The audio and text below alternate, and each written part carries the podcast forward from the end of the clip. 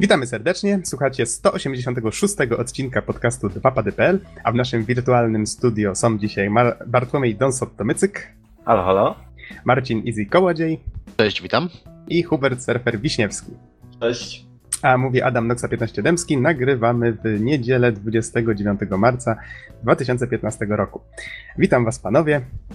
Dzisiaj mamy masę materiału do omówienia. Właściwie e, zupełnie zrezygnujemy w takim bądź razie z newsów, bo mamy dużo pierwszych wrażeń, mamy dwie recenzje, więc e, myślę, że to już by nam naprawdę... Przepych. Przepych, dokładnie, to by nam już rozwaliło cały, cały grafik. A żeby było ciekawiej, to jeszcze wśród tych pierwszych wrażeń są tytuły e, naprawdę oczekiwane, bo jest Final Fantasy XV, o którym opowie troszeczkę Surfer, chociaż to są pierwsze wrażenia właściwie z dema. E, Jak ono się nazywało? Bogactwo. Epizod Duske, ale nie pytaj jak to się czyta. Duscae się pisze. Okej, e- epizod Duska, okej. Ty Też nie sprawdzałem, jak to się czyta. Jak powiedziałeś bogactwo, myślałem, jak on się nazywa. Demko, bogactwo, okej. E, Easy opowie o Pillars of Eternity. Tu już pełna wersja się ukazała i ja opowiem o pierwszych wrażeniach z Bloodborne. Tutaj też już pełna wersja jest dostępna. E, Don zrecenzuje The Vanishing of Ethan Carter. I tak na deserek myślę, że niezbyt długa recenzja Vanquisha, który no, nie jest najnowszą grą, ale ale myślę, że warto w niego zagrać. I tutaj ja się troszeczkę poprodukuję jeszcze na koniec. Czyli panowie, może zacznijmy od takiego standardowego pytania, które pewnie ostatecznie przejdzie w te pierwsze wrażenia, czyli co tam ostatnio graliście? I może zacznijmy od mm, Menedue Easy. E, No niestety ostatni tydzień nie- obfitował w zbytnio w czas wolny, e, dlatego tak stwierdziłem, że a dobra, mam chwilkę, pogram sobie w Pillars of Eternity, podzielę się pierwszymi wrażeniami, a tu 7 godzin wbite. E, No, więc niestety nie pozwoliło mi na granie nic, w nic innego. Aha, okej, rozumiem. A jak tam u ciebie, Don? Ja ostatnio dorwałem Metro Redux, czyli to właściwie takie wydanie zbiorcze dwóch gier, czyli Metro 2033 i Metro Last Light. Z tego drugiego już mam ze 3 godziny. E, No i muszę powiedzieć, że jestem dosyć zadowolony, ale, ale myślę, że szczegóły sobie zostawię albo na, na inny odcinek podcastu, albo już na, pełna, na pełną recenzję. Mhm. A Surfer, jak u ciebie? No, ja czas wolny spędzam na chorowaniu, E, ale poza tym e, doszły takie dwie ciekawe gry. Jedna to jest Final Mhm. Fantasy Type Zero, e, drugi to jest właśnie wspomniany wcześniej Final Fantasy XV epizod Dusk. No i generalnie to. Do tego jeszcze pierwszy mm, stand-alone'owy, że tak brzydko powiem, dodatek do Forza Horizon 2, e, Fast and Furious. Um, i Heroes of the Storm. to wszystko. Mhm. A coś więcej chcesz na temat tych tytułów powiedzieć, czy może innym razem? Wiesz co, może innym razem, dlatego że raczej w tej audycji chciałbym się skupić tylko na Final Fantasy XV, bo to jest taki dosyć gorący temat i no, dyskusyjny. Więc Mhm. e, może zostaniemy przy tym. Okej. E, Z kolei, jeżeli o mnie chodzi, to ja ostatnio, no jak ukazał się Bloodborne w środę, to ja następnego dnia miałem wyznaczony termin obrony magisterki. I, i tutaj tak, mogę się już pochwalić, że w tej chwili jestem magister inżynier Nox. dziękuję, Brawo, dziękuję, brawo. dziękuję. Em, I właściwie od razu po obronie pierwsze co zrobiłem, to poleciałem do sklepu jeszcze tak w pełnym rynsztunku, czyli w sensie w garniaku pod krawatem. Kupiłem Bloodborne'a like a sir. No. Przyznaj się, że specjalnie założyłeś garniak, bo to ka- taka ważna okazja dla ciebie. To nie chodziło wcale o obronę. No a Słuchajcie, co myślałeś, że magisterka? Przecież Bloodborne magisterka. Bloodborne magisterka. Bloodborne. Bloodborne, tak. Cóż, że poszedłem na tą obronę. E, Wiecie, jak tą grę ciężko jest dostać? Ale to już może wrócę do tego, jak, jak będę mówił o tych pierwszych Czy wrażeniach. ciężej niż magistra w naszym kraju? Hmm. Nie, raczej, raczej nie. Aż tak to nie, bez przesady. nie przesadzajmy. W każdym razie, nim zacząłem grać w Bloodborne'a, y, to grałem jeszcze w tym tygodniu, kontynuuję granie w LA Noir i tutaj myślę, Don, że zbliżam się do momentu, w którym ty jesteś, albo już go przeskoczyłem. Zaczęły mi się śledztwa z, związane z, z Wydziałem Narkotykowym. gra mnie całkiem, całkiem wciągnęła. Nawet teraz Bloodborne nie sprawia, że totalnie z niej rezygnuję, więc całkiem, całkiem mi się podoba. Z kolei przeszedłem jeszcze drugi epizod Life is Strange. Tutaj już dość na temat tej gry powiedziałem przy pierwszym epizodzie, nie będę więc nic mówił na temat fabuły. Powiem jedynie, że gra trzyma poziom, i drugi epizod jest nawet dłuższy od pierwszego. Chyba 4 godziny aż przy nim spędziłem, łącznie z czytaniem różnych notatek i tak dalej. Gra bardzo mi się podoba i mam nadzieję, że faktycznie wszystkie pięć odcinków będą, będą na takim poziomie. I no, powiem ci, coś. że to jest chyba w ogóle najlepsza gra epizodyczna, w jaką grałem do tej pory, chociaż yy, nie grałem jeszcze w ten drugi odcinek, ale pierwszy rzeczywiście. Yy, no, miał coś w sobie. Naprawdę, naprawdę niezła gierka. Czyli mówicie, mhm. że warto? Tak, warto, tylko że musisz być, e, musisz się uzbroić w to, że tam jest trochę takiej szkolnej dramy. To, no jest, to jest historia o młodych ludziach w liceum ogólnie rzecz biorąc, tylko że nie skupia się jakby historia na tym liceum, tylko na troszeczkę innych wydarzeniach, na rozwoju postaci. Myślę, że warto się przełamać. Przygotuj jeżeli... się, że będzie ci smutno, bo wiesz, zdasz sobie sprawę, że to minęło bezpowrotnie nasza młodość i tak dalej. A tam ja nie narzekam, szczerze mówiąc. Ale nie no, jak mówicie, że warto, to, to pewnie, pewnie się zainteresuje, bo w sumie tak oglądałem Total Biskita i parę, paru innych, e, innych youtuberów, jak, e, jak właśnie recenzowali i mnie się bardzo zastanawiałem nad tym, ale myślę, że mnie przekonaliście. Nie, zdecydowanie warto i ja mam zamiar kupić po prostu Season Pass do, do całej reszty, bo no, bardzo, bardzo fajna gierka. Zdecydowanie e, fajnie spędzić ze dwa wieczory właśnie przy tym pierwszym epizodzie i to jeżeli ktoś się nie boi drobnych spoilerów z pierwszego odcinka, to niech odsłucha sobie moją recenzję w 181 odcinku podcastu. Zapraszamy na naszą stronę, a tymczasem wydaje mi się, że już powinniśmy przejść do, do tych pierwszych wrażeń zapowiedzianych. Zacznijmy może od Final Fantasy XV, czyli Surfer. Powiedz po pierwsze, skąd wziąłeś to demo, bo wiem, że to nie jest takie proste, chyba nie jest ogólnie, ogólnodostępne. Mm, nie, demko generalnie e, można kupić razem z Final Fantasy Type Zero, więc bardzo wiele ludzi, wielu ludzi kupuje po prostu Type Zero specjalnie dla tego dema. Przy czym e... trzeba tutaj dodać koniecznie, że to jest Type Zero w wersji HD, bo ta gra na PSP wyszła e, dawno tak, temu. Tak, e, Type Zero w wersji HD, które pojawiło się na PlayStation 4 i Xbox One. E, I z tego co wiem, chyba wersje elektroniczne tego Type Zero będą miały przez dwa miesiące dołączone do demo, a w wersjach fizycznych to demo było tylko w tym pierwszym rzucie, yy, więc generalnie dosyć ciężko to dostać. Yy, samo demko yy, oscyluje na eBayu w okolicy ceny połowy pełnej gry, yy, czyli tam około 30 dolarów, z tego co pamiętam. Czyli popyt jest bardzo duży. Tak, ludzie też sprzedają konta, więc po prostu tworzyli specjalne dodatkowe konta, E, w potrzebie odsprzedają, więc ten e, handel kwitnie. Bardzo dużo ludzi chce, chce zagrać tę grę. O, przepraszam, czy ktoś mhm. nie spiracił tego demka i nie umieścił na torrentach? W sensie, to jest demo, a nie, a nie gotowa gra, więc znaczy demo z samej definicji jest demonstracją, jest dostępne za darmo, tutaj jest inaczej. Jak to w ogóle wygląda? Znaczy spiracić to raczej... Gdyby ktoś mhm. udostępnił za darmo, w jakiś sposób, to już tam nieważne jaki, bo pewnie zabezpieczenia są, ale gdyby y, udostępnił to, czy, czy byłoby to jakby według litery prawa niepożądane? E, akurat prawnie to ja ci tutaj nie odpowiem, ale wiem na pewno jedną rzecz, że zabezpieczenia żadnej z e, nowych konsol e, nie zostały złamane z tego co wiem, więc mhm. nie ma takiej możliwości, żeby gdzieś tę grę na lewo dostać. Bo gra została, wy... znaczy jest planowana na PS4 i Xbox One, tak? Zgadza się, zgadza się, mhm. czyli...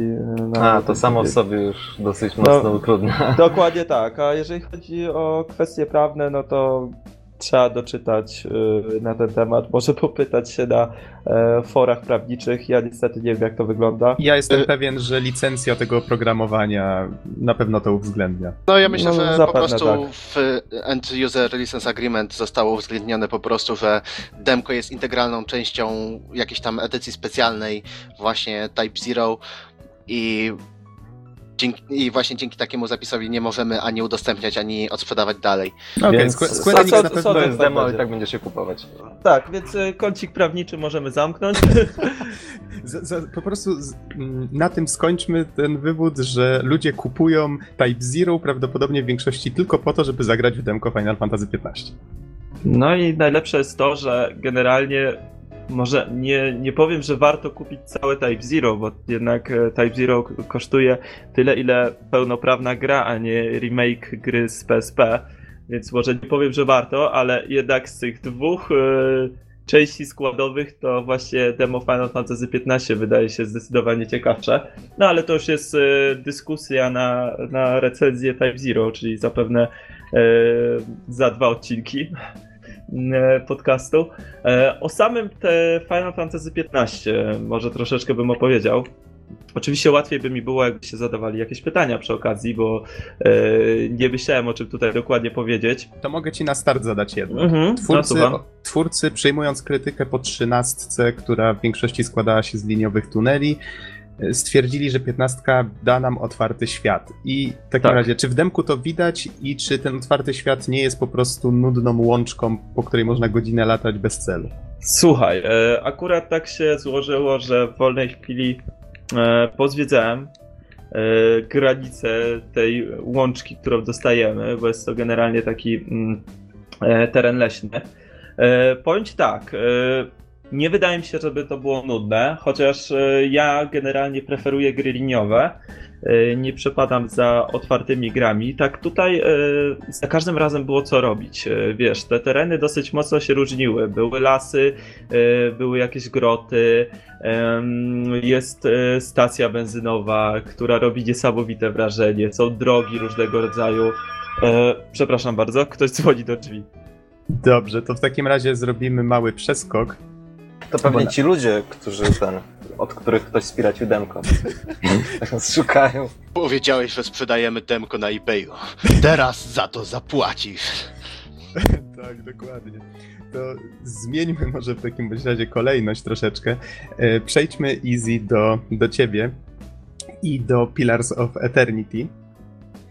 E, Tutaj może. Mm, Dobrze, surfer napisał, że za 5 minut dokończy, więc przejdźmy do Pillars of Eternity. Tutaj na wiki mam podane, że gra miała premierę 26 marca. To było dokładnie w czwartek. Tak jest, Dzień po czwartek... Y, Całkiem możliwe, nie wiem kiedy wyszedł Bloodborne. Tak, tak. Ale ten, ale czwartek, godzina 17 już można było grać. Z kolei większość zamówień preorderowych były dostarczane w środę, więc też latałem od środy z pudełkiem i płakałem, że nie mogę odpalić gierki. A y, powiem tak, że. Jeszcze nim prostu- zaczniesz, jedną rzecz Mhm. chciałem przypomnieć.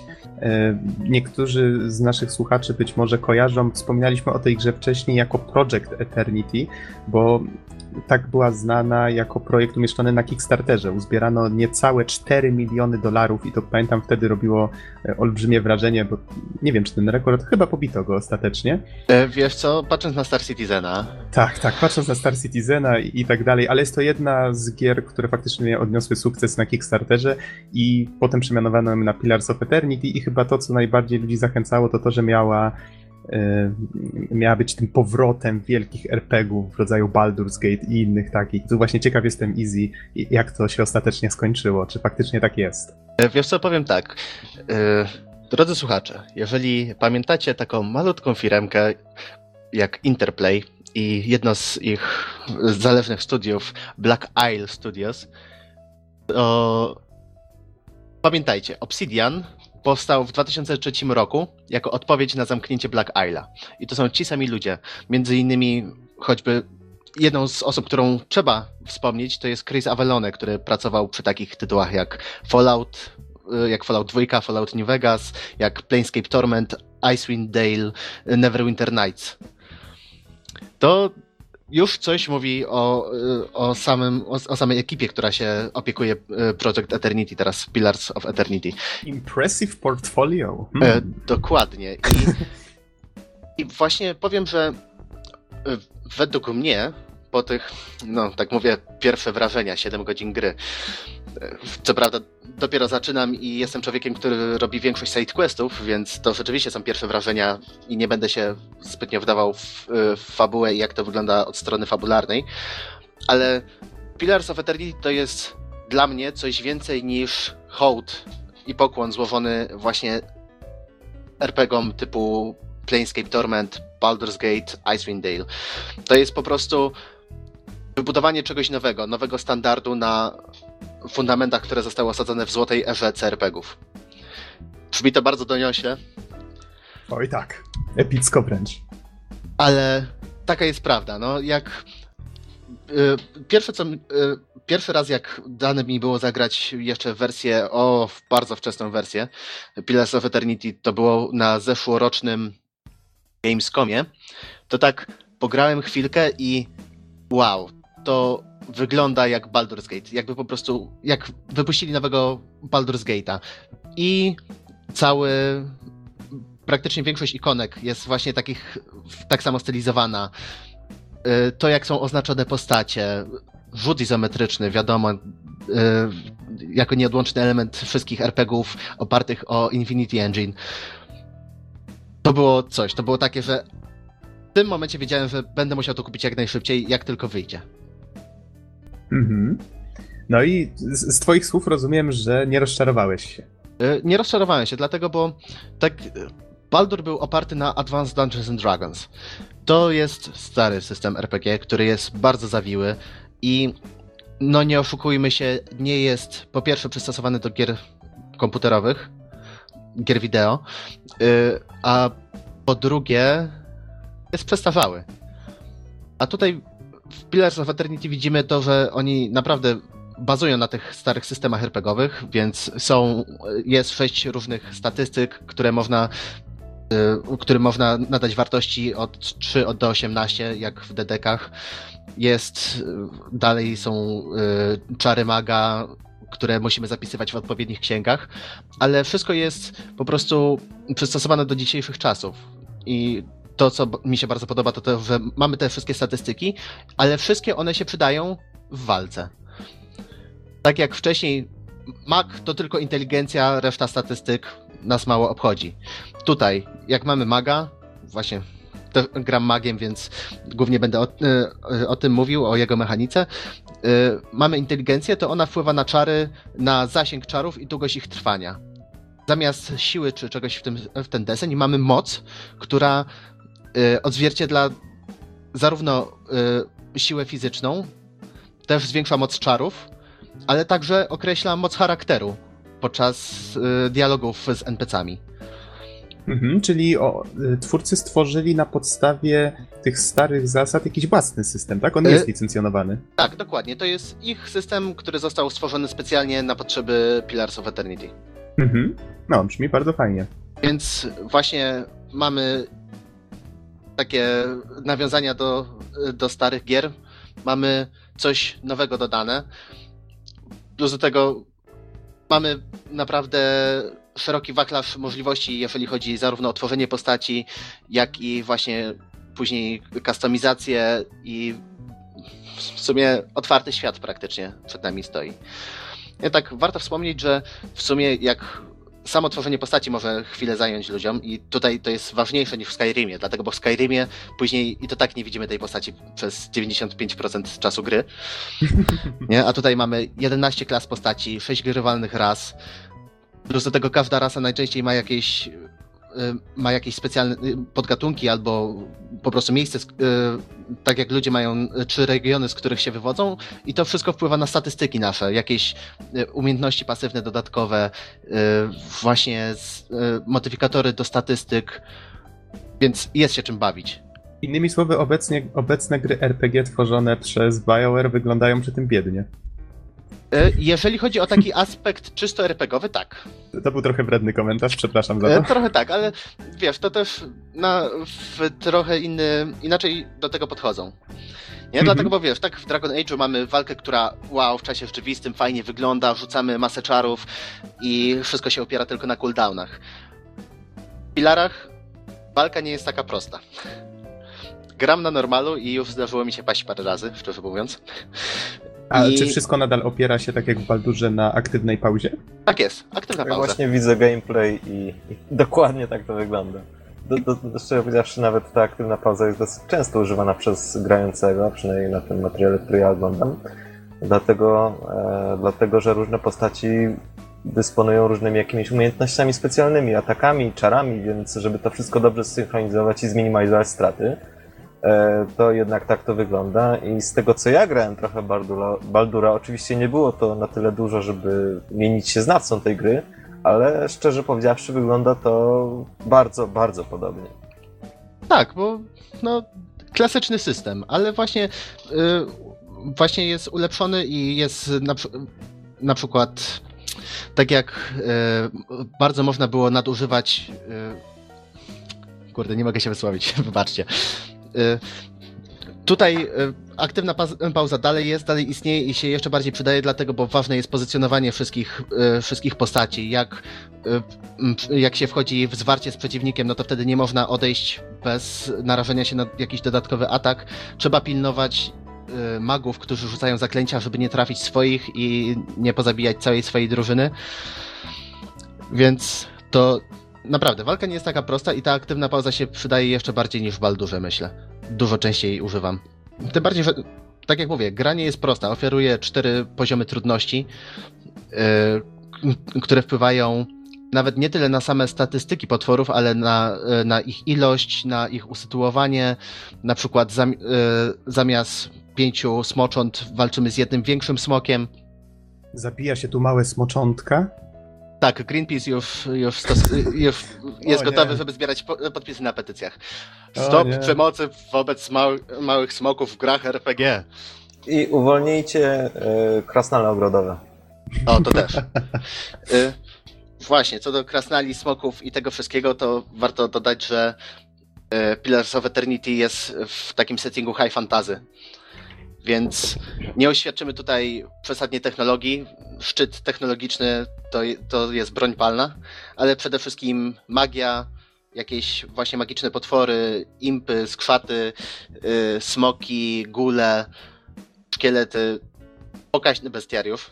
Wiesz co, generalnie mam do Ciebie takie pytanko odnośnie właśnie, właśnie świata i jego struktury. Gdzie w ogóle odbywa się akcja? To jest może jakieś królestwo magiczne, jakieś imperium ludzkie, jakieś może inne nacje tam istnieją? No i szczerze powiedziawszy, jednak mimo wszystko fajnie by było, gdybyś chociaż w zarysie opowiedział, co grający widzi podczas pierwszych minut gry. Jak, jakie są założenia fabularne, jak to się wszystko zaczyna? Czy też może bohater ma sen, musi wyruszyć w jakąś podróż? E, czy, czy dzieje się coś, coś innego? Y, Właśnie chciałem powoli przechodzić do fabuły. Y, Wszystko się dzieje w świecie, który jest nazwany Eora. To jest własny setting y, Obsidian Entertainment. Oni stworzyli go od, od podstaw. I w sumie większość akcji się dzieje w, dzieje w jednej z krain. I mm, chwila, tylko muszę sobie. Muszę znaleźć, jak się nazywała ta kraina. Powiedz mi, czy każda, jak, jak szukasz, to ja tutaj zadam pytanie, czy w zależności od tego, co wybierzesz, jaką postać, jakie pochodzenie, to zaczynasz w innej części tej krainy? Y, właśnie nie. Aha. Ogólnie akcja się dzieje w Dyrut, y, w takim właśnie bardzo mocno zalesionym przybrzeżnym, przybrzeżnym regionie, y, które jest trochę na skraju właśnie y, konfliktu między elfami i ludźmi. Ale y, co do początku, niestety y, początek jest zamknięty. Przez to, że mm, w pierwszych minutach widzimy intro wzorowane na Baldurze 1, czyli mamy, mamy mur, na którym jest malunek y, przed, przedstawiający właśnie tam, przedstawiający karawanę i okienko z tekstem, które niestety nie jest czytane przez Piotra Franceskiego, co mnie bardzo boli. Y, I oczywiście taki dosyć standardowy początek na zasadzie, że przez, przez przypadek znaleźliśmy się w nie tym miejscu, w nie tym czasie. Jedna z osób z karawany wtargnęła do świątyni, która była strzeżona przez. y, która jest strzeżona przez elfy i przez. No, niezbyt przyjaźnie nastawionych tubylców. I nie dość y, i atak na karawany jeszcze y, mm, dzieje się w tym samym momencie, kiedy rozpętuje się magiczna burza, o której mówią, że cóż, jeżeli widzisz ją na oczy, to niestety to będzie ostatni, y, ostatni widok, dlatego, bo to jest magiczna burza, która potrafi wyrywać duszę z istot żyjących.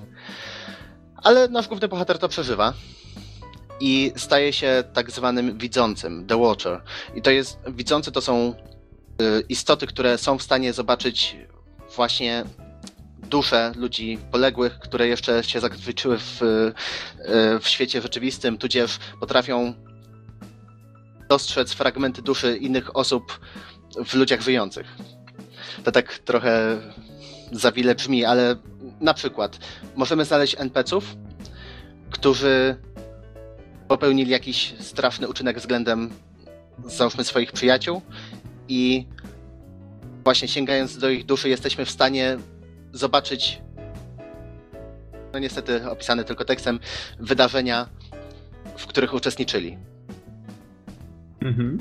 Więc tutaj mamy na przykład jeden wątek, gdzie spotykamy się z człowiekiem, który mówi, że uciekł właśnie z walki z niedźwiedziem. Jego przyjaciel niestety się nie wydostał i później dzięki właśnie tej umiejętności widzimy, że tak naprawdę to on go zdradził, wepchnął do tej, do tej jaskini i jeszcze wbił sztylet w plecy. I mamy, mamy wtedy dylemat, co zrobić z takim delikwentem. Czyli poznajemy pewne tajemnice w taki nadprzyrodzony sposób i możemy w ten. y, I w ten sposób temu- możemy się jakoś odnieść do świata rzeczywistego i Mhm. mieć, mieć tak jakby y, więcej się dowiedzieć na temat jakiejś sytuacji. Brzmi bardzo Powiedz fajnie. Mi, e, w jakim stopniu bohater może to robić? W sensie, czy można przejrzeć każdego napotkanego NPC-a, czy to odnosi się tylko do jakichś ważniejszych postaci, może jakiejś tylko grupy wybranej?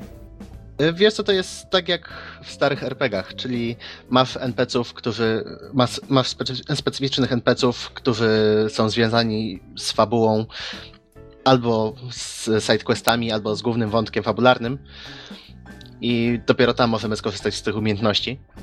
Ale wydaje mi się, że jednak te opisy są na tyle ciekawe, że nawet nawet jest, grupka NPC-ów, gdzie możemy po prostu poczytać historie, które za nimi stoją i nic z nimi nie da się tak na dobrą sprawę zrobić, ale bardzo dobrze się je czyta. Mhm. No dobrze, to powiedz, żeby tak już nie za bardzo wnikać w temat i w szczegóły, bo jestem pewien, że grę będziesz niedługo recenzował. No niedługo to No w takim Nie tempie, jak jednego dnia 6 godzin nastukałeś, kto wie. Y, To powiedz, czy jeszcze jest coś, o czym warto wspomnieć, gdyby ktoś miał wątpliwości, czy w grę warto zagrać? E, powiem tak, że po pierwsze, system operacyjny nie stoi na, na przeszkodzie, więc czy masz Linuxa, czy masz Maca, czy masz Windowsa, możesz grać. Po drugie, A Jeżeli- sprzęt na tym systemie, że się tak wyrażę? e, wiesz co, sprzęt nie jest jakiś mega mocny potrzebny. Ogólnie gra została stworzona na Unity i tam e, postacie są trójwymiarowe, część otoczenia jest dwuwymiarowa, zresztą grafika jest bardzo przyjemna. Widać, że jest bardzo wzorowana na, na tych RPG-ach, oczywiście rzut izometryczny, ale wszystko Easy, jest... jakbyś, jakbyś mógł powtórzyć ostatnie zdanie, bo jakieś dziwne zakłócenia się pojawiły. O, pardon. E, Czekaj. Mówiłeś ogól- o, o tym, że na Unity, to jeszcze E, tak, słyszałem. E, Właśnie e, Pillars of Eternity jest oparte na silniku Unity. Mamy otoczenia dwuwymiarowe oraz Pillars postacie trójwymiarowe. Pillars of Unity. Tak powiedziałem? Nie, nie, nie, nie, to tam tak to wrzuć. Tak, Pillars of Unity. Y, więc grafika jest przyjemna dla oka, nic, nic jakiegoś takiego. Nie ma fototrysków. Nie oszukujmy się, ale za to i elementy, y, efekty cząsteczkowe i właśnie wszystkie lokacje są naprawdę bardzo fajnie zaprojektowane, nie są zbyt wielkie, tak jak to się zdawało w Baldurach. I właśnie rozglądam się tutaj za y, wymaganiami i z tego co widzę, to tak właśnie na przykład procesor Pentium 4 taktowany zegarem 2,6 GHz. Pamięć operacyjna 4 GB pamięci RAM. Karta graficzna 256 MB pamięci VRAM. Nie, więc to nie Nie, nie, nie brzmi na zbyt dużo. Więc niezależnie od tego, jaki macie system, i to nie musicie mieć dobrego kompa, żeby pograć.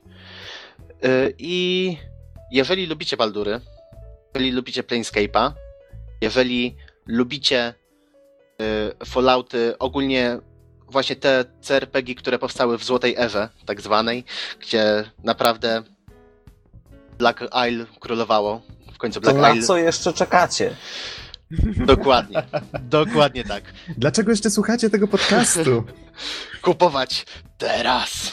Unleash the players. Nie, naprawdę warto, ale z drugiej strony, jeżeli możecie chwilę poczekać, jeżeli nie chcecie się spierać z bugami, które niestety są takie, które psują rozgrywkę. Mhm. Yy, W tym momencie choćby dwuklik jakiejś tam grupy przedmiotów w ekwipunku potrafi yy, usunąć z postaci wszy- wszystkie mm, długotrwałe pasywne umiejętności oraz yy, umiejętności rasowe. To jest całkiem spory bug, jakby na to nie patrzeć. To możecie jeszcze chwilę po, poczekać. A jeżeli nie A lubicie czekając czytać... możecie poczytać. Y, dokładnie, ale jeżeli nie lubicie czytać w grach, to niestety się zawiedziecie na, na tym, bo jak stare RPG, dużo tekstu, Mhm. ale I opisów zapewne też. dokładnie. Jak są, są dialogi, no to część dialogów jest czytana przez, y, przez aktorów, ale to też jest na zasadzie, że załóżmy mamy dwie kwestie i, w, i po drodze w, wklejone na przykład właśnie tam reakcja NPC, na przykład, że się rozgląda za czymś albo rzuca ci wyzywające spojrzenie i się uśmiecha. Plus do tego czytania. Czyli twórcy to- nie musieli robić dużo kontentu graficznego, który jest jednak drogi i długo zajmuje jego stworzenie, ale rozumiem, że ta część pisana, która go zastępuje, jest wykonana na wysokim poziomie. Tak, dokładnie. No to super. Wydaje I- mi się, że jak ktoś lubi tego typu, tego typu mm, sposób narracji, to nie powinno mu to przeszkadzać. razie. Co więcej, nawet jeżeli ktoś nie umie w angielski, y, to nie ma problemu dlatego, bo mamy pełną wersję kinową. Aha. Niestety, Francze... y, mówię, nie ma polskiego dubbingu, więc y, nie usłyszymy Franceskiego, który mówi, aby wyruszyć w dalszą drogę, należy zebrać drużynę. To było, aby wyruszyć w drogę. Należy zebrać drużynę. A nie w dalszą? Chyba, chyba nie. Ja przynajmniej pamiętam bez. No, mniejsza o to. No, Aby wyruszyć w dro- w drogę, należy ściągnąć grę. Okej. to- ale tylko z oficjalnych źródeł. Dobrze, czy są, jakieś, tak. czy są jakieś pytania co do pierwszych wrażeń Pillars of Eternity i z jego? Właściwie miałem tylko, tylko jedno, które jest trochę bardziej szczegółowe, ale, Aha. ale myślę, że to chodzi mi trochę po głowie, więc. E, bo oczywiście, tak jak w każdym starym RPG-u, mamy do czynienia z drużyną składającą się z kilku osób, które Tak. różnią się klasą i tak dalej, i tak dalej. Moje pytanie brzmi, na ile ich własna osobista historia ma wpływ na, na to, co robimy i czy w ogóle taka jest? Chociaż myślę, że to jest raczej pytanie retoryczne. I czy możliwe są jakieś interakcje między, między tymi właśnie poszczególnymi postaciami? Y, Wiesz co, na razie jeszcze nie zaszedłem aż tak daleko, żeby któraś z postaci miała wpływ na to, co się stanie. Właśnie, szczerze mówiąc, to dopiero robię pierwszego questa, gdzie jest powiedziane, żeby zabrać y, tego, tego kompana y, ze sobą, właśnie w tamto miejsce. Ale na niektóre rozmowy z NPC-ami, zarówno te mniej fabularne, jak i bardziej fabularne, nasi towarzysze mają wpływ i mogą się wtrącić. Więc pewna interakcja jest, Mhm. ale żeby coś więcej o tym powiedzieć, to tak jak mówię, muszę więcej pograć, więcej, więcej zobaczyć, bo na razie tylko trzech kompanów zebrałem, a y, twórcy obiecali ośmiu kompanów, plus do tego też można stworzyć własnych y, w gospodach. No, Czyli, czyli jak- to rozwiniesz ten temat w recenzji. Tak, dokładnie, bo jednak 7 godzin w takiej grze to nie jest. To tak są dużo. pierwsze wrażenia. To są pierwsze wrażenia. Tak. To są, To jest no. 5 minut witania karterze, powiedzmy sobie szczerze. Tak, i to, i to są jeszcze tym bardziej, że tak jak, tak jak mówiłem, robię tylko questy poboczne aktualnie, to nawet w fabule się nie posunąłem zbytnio do przodu. To mi przypomniałeś, jak ja grałem po raz pierwszy w Final Fantasy VII i po kilku godzinach wyszedłem z pierwszego miasta i nagle wow, tu jest jeszcze cała mapa świata. A propos Finala. Okej, to przejdźmy, wróćmy właściwie do Finala 15. Surfer, surfer, czy jesteś? Czy cię nie porwali, Jestem, nie porwali cię spod jestem, drzwi? e, no niestety, w najgorszym zawsze momencie musi się tego typu sytuacja zdarzyć. No spoko, ale spoko. już- Ale Jest- rozwiązałeś dobrze ten, ten, ten problem z tym demem? Tam nie, ma, nie będzie żadnych konsekwencji? No właśnie, właśnie w tej sprawie byli. No właśnie śmialiśmy się, że pa panowie w czarnych garniturkach przyszli i... A pan skąd wziął demko? No właśnie, właśnie i to, to jest ten problem, ale spokojnie, wiecie, nie, nie ma takich sytuacji, których nie da się załatwić odpowiednią ilością pieniędzy, więc e, Tak, możemy tak, bo już, przejść... bo już uwierzę, że miałeś kilka walizek w zanadrzu. Słuchaj, oddaj mi Mixboxa. E, Okej. kolegi. E, słuchajcie, wracając No do tematu, do tematu e, krajobrazowych. Więc e, mm, gra demo e, znajduje się właśnie w tym obszarze Doskę, e, jak sama nazwa dema wskazuje. I jest to zupełnie inny setting niż ten, z którym mieliśmy do czynienia w pierwszych trailerach gry, gdzie była ogromna metropolia, taka technologia bardzo, bardzo mocno rozwinięta. E, Tutaj mamy polany, jeziora, mamy rancho Chocobo, na którym przy, przygrywa sobie e, motyw Chocobo grany na harmonice. Swoją drogą jest.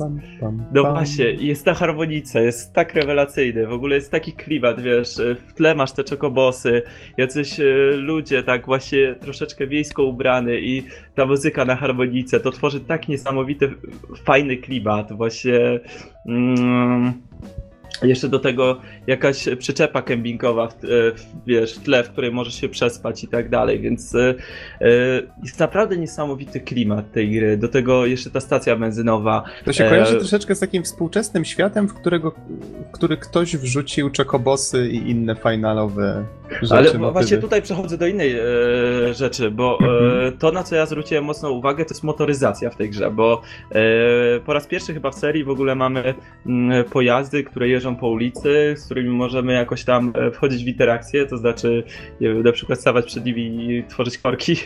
E, w każdym razie, e, w każdym razie, e, motoryzacja jest bardzo mocno inspirowana e, amerykańską, amerykańskimi samochodami z lat 60. E, Do tego muzyka właśnie taka bardzo swojska, takie klimaty mm, e, też e, wiejskiego jakiegoś rancho i tak dalej, czy tej stacji benzynowej takiej troszeczkę obskurnej amerykańskiej, mm, tworzą niesamowicie fajny i spójny klimat. Coś, czego wcześniej na wcześniejszych trailerach nie było widać. Więc e, Mhm. pokazuje to, że ta gra będzie bardzo różnorodna, że to nie będzie mm, podział na przykład tak jak Final Fantasy XIII, gdzie przez pół gry była metropolia, a później druga połowa gry to było tylko pole. Nie, tutaj widać, że ta mm, różnorodność jest duża i sam początek w ogóle tego demo to jest e, e, nasza grupa czterech osobników budzi się w namiocie i wyruszają po prostu ubić behemota, bo potrzebują kasę na naprawę samochodu. Przepraszam. Ale Po drodze- to, to, to ten zespół jest aż tak bardzo nielubiany w tym świecie?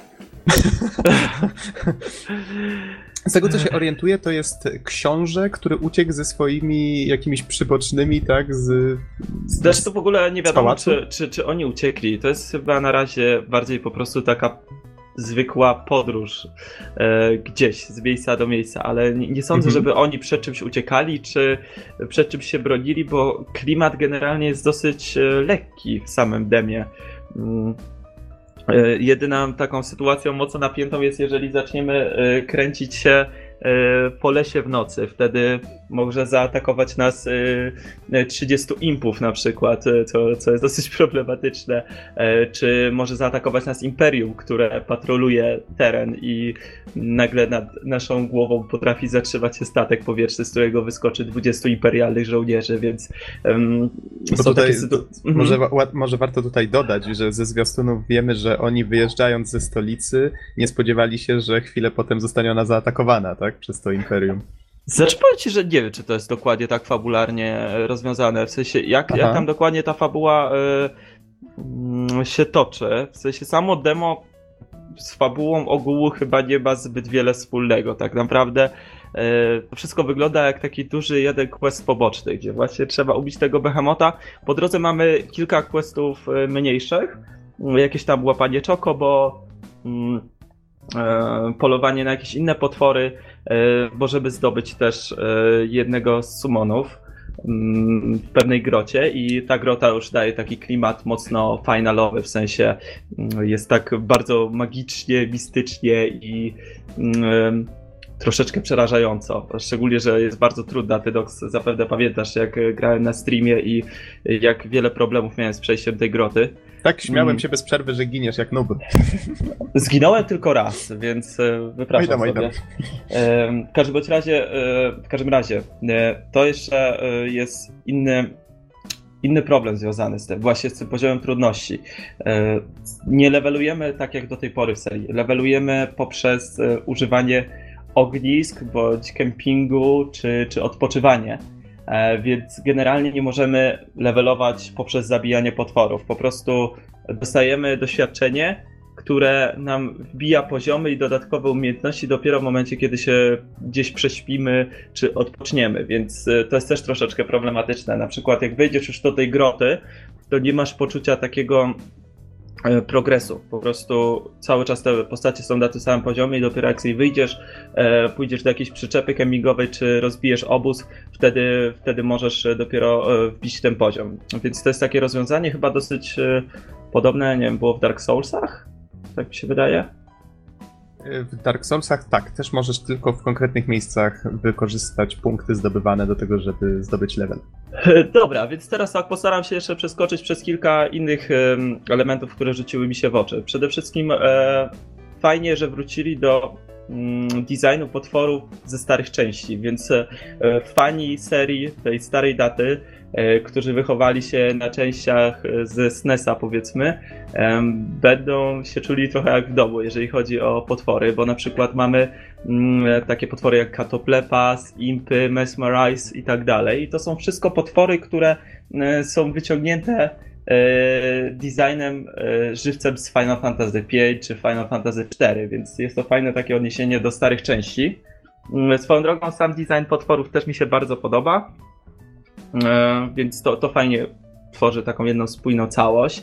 Mm, warto wspomnieć też o muzyce, e, za którą odpowiedzialna jest Yoko Shimomura, znana przede wszystkim z serii Kingdom Hearts.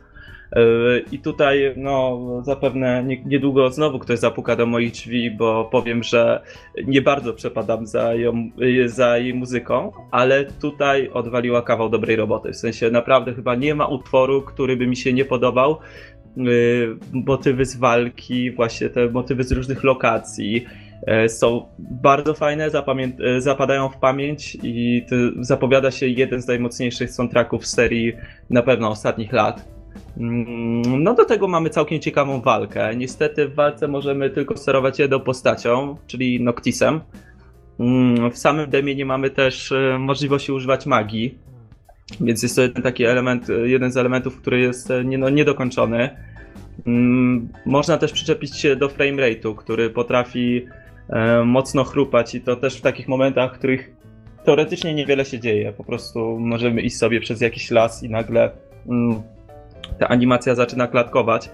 Aczkolwiek, no, wiadomo, że gra nie pojawi się na pewno w tym roku, więc e, sądzę, że mają jeszcze dużo czasu na dopracowanie tego.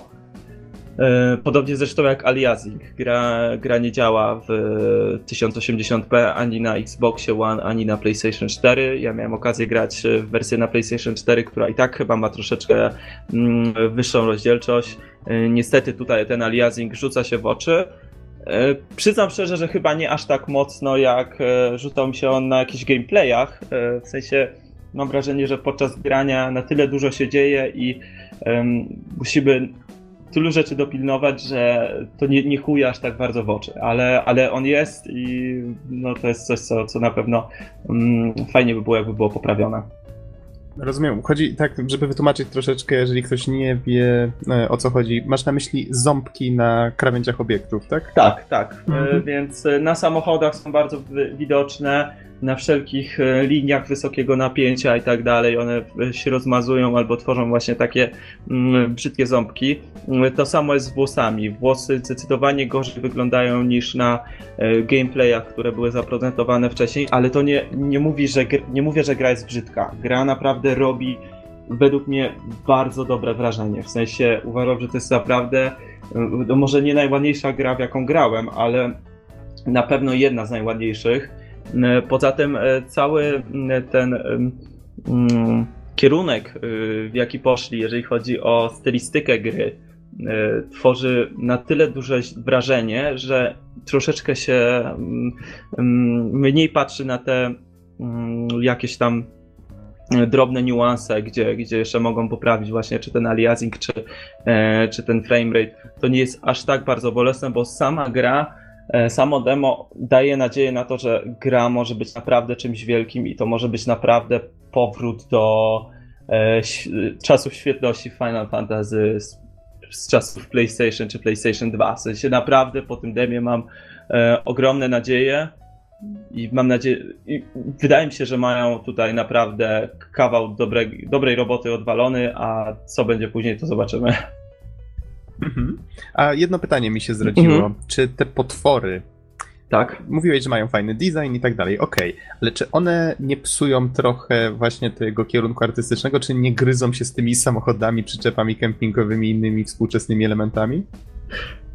Wiesz co, nie wydaje mi się, dlatego że na przykład jak jesteśmy przy samej drodze, y, czy, czy na stacji benzynowej, czy na tym rancho, potwory nie biegają nigdzie w okolicy. Dopiero jak wejdziemy w las, czy w jakieś polany, wtedy widzimy, że jest to całe, mm, ta cała natura, która żyje swoim życiem. Swoją drogą są też e, oczywiście e, różne zwierzęta, czy, czy właśnie czokobosy, których nie, nie atakujemy. Są żaby, które można chyba zbierać, nawet jest jakieś, e, jakieś, taki, jakieś takie zadanie poboczne podobne do tego z Final Fantasy IX, więc według mnie tworzy to całkiem spójny obraz i na przykład w ciągu dnia pojawiają się inne potwory niż w nocy. W nocy praktycznie mm, to takie y, dzienne życie zamiera, te y, wszystkie inne y, stworzenia idą spać, a na przykład wyskakują impy, które widzimy z daleka, że już świecące oczy i biegną do nas gromadą, więc to też jest troszeczkę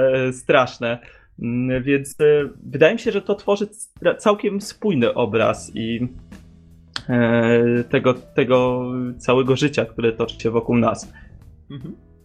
Okej, okej. Bo Przepraszam, ci, jeżeli, że- jeżeli mówię troszeczkę nocowo albo troszeczkę się powtarzam, ale e, No rozumiem, generalnie robi swoje. gorączka, gorączka robi swoje. do szybkiego powrotu do zdrowia przede Dzięki. wszystkim.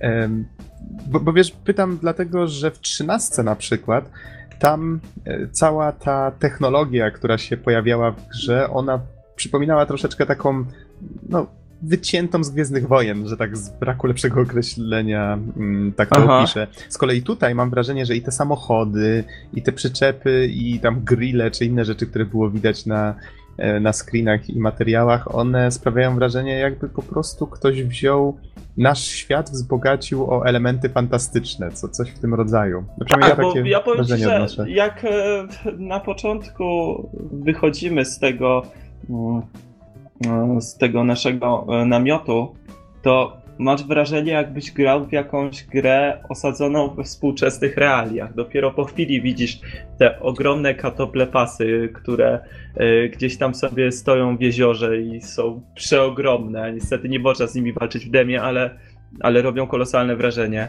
E, Trochę dopiero tak jakbyś, nie wiem, Mhm. znalazł się na wyspie z Jurassic Park. Coś, coś takiego, tak. To, to jest całkiem niezłe porównanie. Yy, mówię, według mnie cała stylistyka naprawdę jest yy, fajna. Fajny kierunek artystyczny obrali. Naprawdę, jeżeli chodzi o to, to nie mam zbyt wielu rzeczy, o które się mogę przyczepić. No i też od, yy, po raz pierwszy od wielu, wielu lat sumony robią ogromne wrażenie. To znaczy, nie chcę tutaj spoilerować, jaki jest sumon, ale animacja jest na silniku gry, animacja przywołania.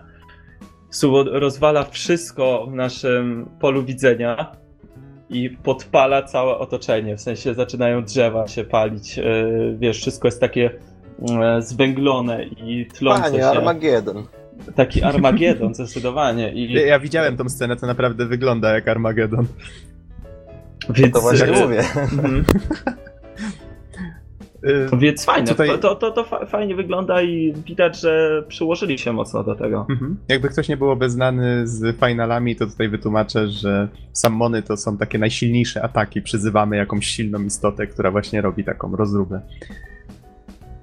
I z reguły Tak. finale są znane z tego, że nie można przewinąć tych animacji i że jak się wykona taki atak, to można pójść zrobić herbatę, wrócić i, i kontynuować walkę, tak.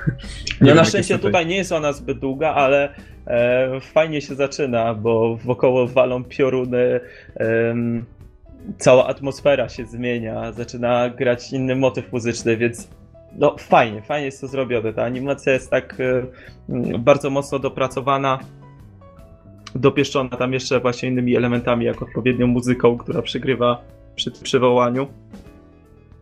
Więc Mhm. e, zapowiada się bardzo fajnie. Naprawdę, naprawdę bardzo pozytywne pierwsze wrażenia. Okej. Tutaj widzę na wiki, że Final Fantasy Type Zero HD, z którym to demo e, się ukazało, wyszło w Europie 20 marca. To tutaj tak, żeby orientacyjnie podać, kiedy to demko, od kiedy to demko można zdobyć, tak? Tak, więc prawdopodobnie, 17. e, prawdopodobnie nadal można e, kupując przez PlayStation Network bądź Xbox Live e, Final Fantasy Type Zero prawdopodobnie będzie dołączone to, za, to demo. Oczywiście nie dam sobie za to uciąć ręki, ale, ale z tego co czytałem to tak powinno być, więc jeżeli ktoś jest zainteresowany, mm, no to jest to jakaś tam jakaś tam opcja. Według mnie warto zagrać, ale też z drugiej strony mm, nie chcę wywołać słuchacza z takiego poczucia, że o Boże, nie zagrałem, to bardzo dużo tracę. Też nie, nie sądzę, że to jest jakiś must have, ale jeżeli macie okazję, warto zagrać. Jeżeli nie, to wiedzcie, że jest na co czekać i, i może właśnie ta już finalna wersja zrobi na was jeszcze większe wrażenie. To ostatnie pytanie. I, ile czasu zajęło ci ukończenie demka? Wiesz co, musiałbym spojrzeć, ile tam te nagrania na Twitchu nam zajęły łącznie, bo w tym momencie nie pamiętam, ale wydaje mi się, że coś koło 3 godzin. E, Fakt, że ja jeszcze troszeczkę mm, się bawiłem w międzyczasie, e, tam właśnie zwiedzając tam okolice i tak dalej. Sądzę, że całe demo można, tak, tutaj, tu tutaj ponad 3 godziny, ale sądzę, że spokojnie to demko można skończyć tak w dwie, dwie godzinki. No to całkiem sporo jak na demo. Ale jest, faktycznie. wiesz co, jest dużo, e, dużo zadań pobocznych, to jest ciekawe. Mhm. Tam e, z tego co patrzyłem e, w internecie, to jest ich, nie wiem, 6 czy 8 różnych zadań, więc sądzę, że z tego demka można wyciągnąć nawet dwa razy tyle spokojnie, albo nawet i trzy. No czyli Square Enix stara się, żeby zebrać jak najwięcej feedbacku od fanów i trochę ich pewnie też e, Tak, no pocieszyć. wiesz, e, troszeczkę boli ten brak magii, przez co ten, e, ta sama walka w sobie jest em, dosyć chaotyczna i na swój sposób czasami prosta. E, Co nie zmienia faktu, że e, gra sama w sobie jest trudna, ale chodzi mi o to, że e, nie mamy aż takiego wachlarza możliwości, który moglibyśmy mieć, gdyby była ta magia. Ta magia e, ma być w pełnej wersji, tak? Tak, e, tak, e, Okej. będzie. No nie wiemy jeszcze jak to będzie działać. Musimy niestety poczekać już do, do samej premiery, która no wydaje mi się, że będzie, jeżeli dobrze pójdzie w przyszłym roku. Okej. To czy macie jakieś pytania do surfera, czy lecimy, bo czas nas troszeczkę goni? Myślę, że możemy przechodzić do dalszej części. Dobrze, to ja postaram się streścić dość mocno z moimi pierwszymi wrażeniami z Bloodborne. Ym, Mógłbym w jednym zdaniu po prostu powiedzieć, jeżeli graliście w Demon's Souls, w Dark Souls, Dark Souls 2 i wam się to podobało, kupujcie w ciemno Bloodborne, bo jest cudowne. Tyle mógłbym powiedzieć. Przede wszystkim, tak, przypomnę, że Bloodborne jest ekskluzywem na PlayStation 4, czyli tak samo jak Demon's Souls było ekskluzywem na PS3, tak samo tutaj znowu mamy ekskluzyw. Ym, Ten sam producent, który pracował nad Demon's Souls i nad pierwszym Dark Souls, pracuje też nad Bloodborne. Wydaje mi się, że ma to znaczenie, bo faktycznie Dark Souls 2 troszeczkę odstaje w całej serii jakościowo. I tutaj w wielu elementach już widzę, że gra. Gra ma w sobie to coś, co pokochałem właśnie już grając pierwsze Demon's Souls. Przede wszystkim level design jest zakręcony, jest mnóstwo ścieżek, które odchodzą w różne, w różne strony. To może być jakiś zaułek z jakimś przedmiotem, albo, albo jakieś tajne przejście do zupełnie innego miejsca. Z różnych zakątków widać, widać inne miejsca, do których kiedyś dotrzemy i nie wiemy do końca, czy to, co widzimy w tle, to jest powiedzmy ozdoba, czy, czy coś innego. Czyli, czyli też coś, co było w Dark Souls, coś, co bardzo chwaliłem swojego czasu na podcaście. I to tutaj też jest. Jest świetny klimat. Zmieniono realia średniowieczne do zmieniono je na taką wiktoriańską Anglię troszeczkę. Już jak tworzymy postać, to widzimy, że ona jest ubrana w, w ciuchy z innej epoki, nie ma na sobie zbroi, ma coś w rodzaju kamizelki, e, spodnie i, i tak dalej. Można założyć jej okulary, monokl, więc to, to właśnie wygląda w ten sposób. I gra kręci się wokół motyw przewodni gry, to są łowy. Mamy tutaj hunterów czy łowców. W polskiej wersji, bo są polskie napisy e, w, u nas w sklepach, e, to nazwano to nie jako łowcy, tylko nazwano ich tropicielami. O, w ten sposób.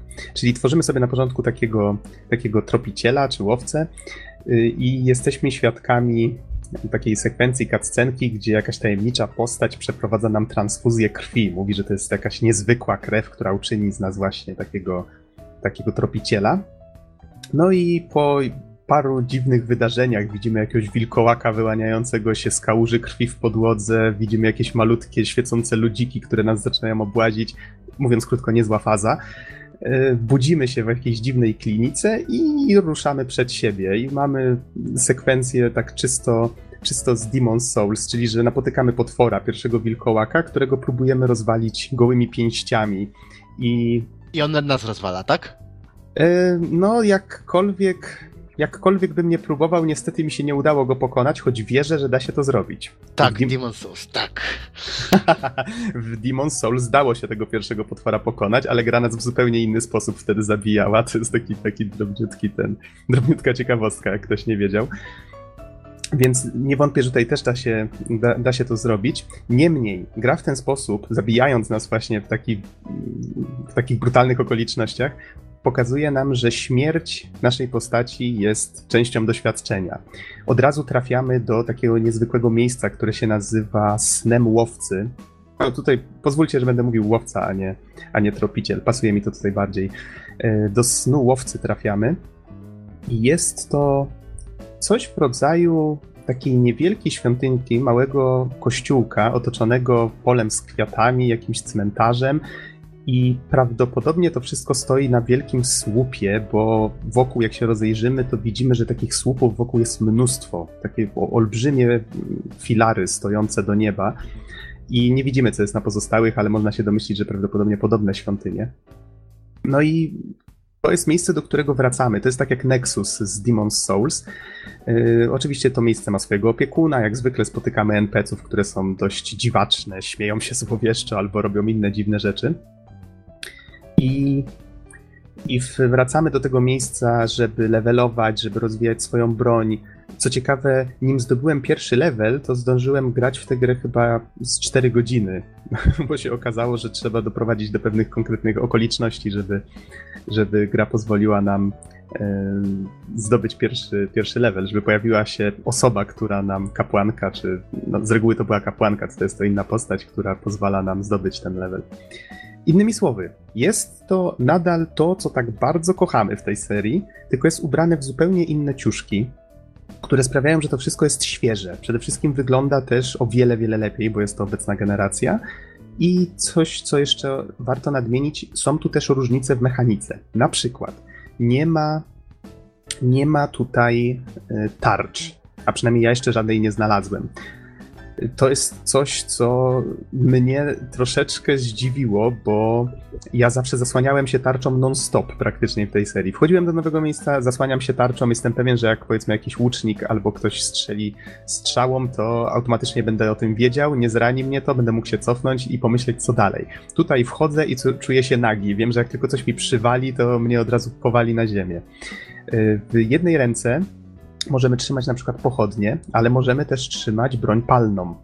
Jest to też coś nowego. W drugiej trzymamy e, inną broń i to może być miecz. To może tutaj te bronie wyglądają trochę dziwacznie, bo na przykład ja mam laskę, która działa jak miecz, ale można ją transformować przyciskiem L1 w coś, co przypomina beach. Czy właściwie taki, taki bad z łańcucha, co przy okazji bardzo mi się z Castlevanią kojarzy, więc korzystam z tej broni dość często jest miecz, który można transformować w coś w rodzaju takiego wielkiego tasaka. Innymi słowy, bronie mają dwa tryby i od tego też zależy, jak się z nich korzysta. Więc to jest bardzo fajne. No i w drugiej, w drugiej ręce postaci mamy właśnie e, tą broń palną, która przejęła troszeczkę roli tarczy pod tym względem, że tak jak tarczą mogliśmy parować, czyli jeżeli w odpowiednim momencie odepchnęliśmy tarczą atak przeciwnika, to wtedy on wpadał w taki stan, kiedy był bezbronny przez jakąś sekundę. Tutaj jest coś bardzo podobnego. Jeżeli wystrzelimy z tej broni w momencie, kiedy na przykład przeciwnik na nas szarżuje, może wpaść właśnie w taki stagger, w taki stan i możemy wtedy wykonać na nim e, efektowny finisher. Zmieniono troszeczkę sposób, w jaki wykonuje się ataki od tyłu. Też można właśnie przeciwnika w taki stagger wprowadzić, tylko że trzeba wtedy wykonać atak ładowany i tak dalej i tym podobne. Są takie drobne różnice.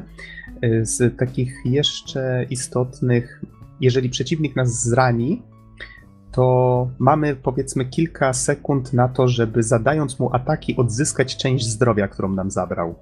To jest też bardzo ciekawe. I właściwie z takich, które jeszcze mm, zaobserwowałem, co tam jeszcze było ciekawego. Na przykład nie jestem pewien jeszcze, jak to działa, ale wcześniej, jeżeli przeciwnik nas zabił, to wszystkie dusze, tutaj z kolei nazywa się to Blood Echoes, e, w polskiej wersji nazwano to tętnienia krwi. To jest waluta, za to kupujemy doświadczenie, to znaczy możemy za to kupować levele albo usprawniać sprzęt. E, jeżeli zginiemy, z reguły w tej serii zostawialiśmy e, plamę krwi na podłodze w miejscu, gdzie zginęliśmy, musieliśmy do niej dotrzeć, nim zginiemy po raz kolejny, bo wtedy ta plama znikała, była zastępowana przez następną.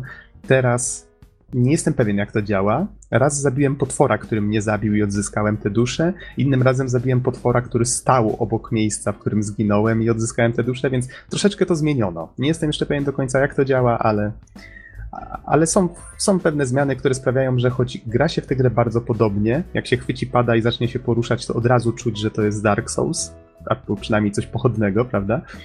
Ale są tu zmiany, które sprawiają, że to jest świeże i, i dużo więcej satysfakcji się z tego czerpie na początku niż z takiego Dark Souls 2 na przykład. Wszystko wydaje no właśnie, się nowsze. Wiesz co, y, ja, ja mam taki problem, że od Mhm. tego Dark Souls 2 bardzo szybko się odbiłem. W sensie e, gra nie porwała mnie ani stylistyką, ani gameplayem jakoś za mocno. E, wiesz, nie twierdzę, że jest to zła gra, ale po prostu czasami tak jest, że odbijasz się od danej produkcji i e, powiem ci tak, na pewno Bloodborne od samego początku bardzo mi się podobało stylistycznie, już od pierwszego trailera wiedziałem, że jest to coś, co e, na pewno fajnie się będzie przynajmniej oglądać. E, I teraz takie pytanie, które zresztą już Ci zadawałem e, chyba wczoraj przy okazji tego, jak grałeś. E, Przed, Sądzi- przedwczoraj, tak, przedwczoraj. bo po raz E, pierwszy w życiu streamowałem gameplay.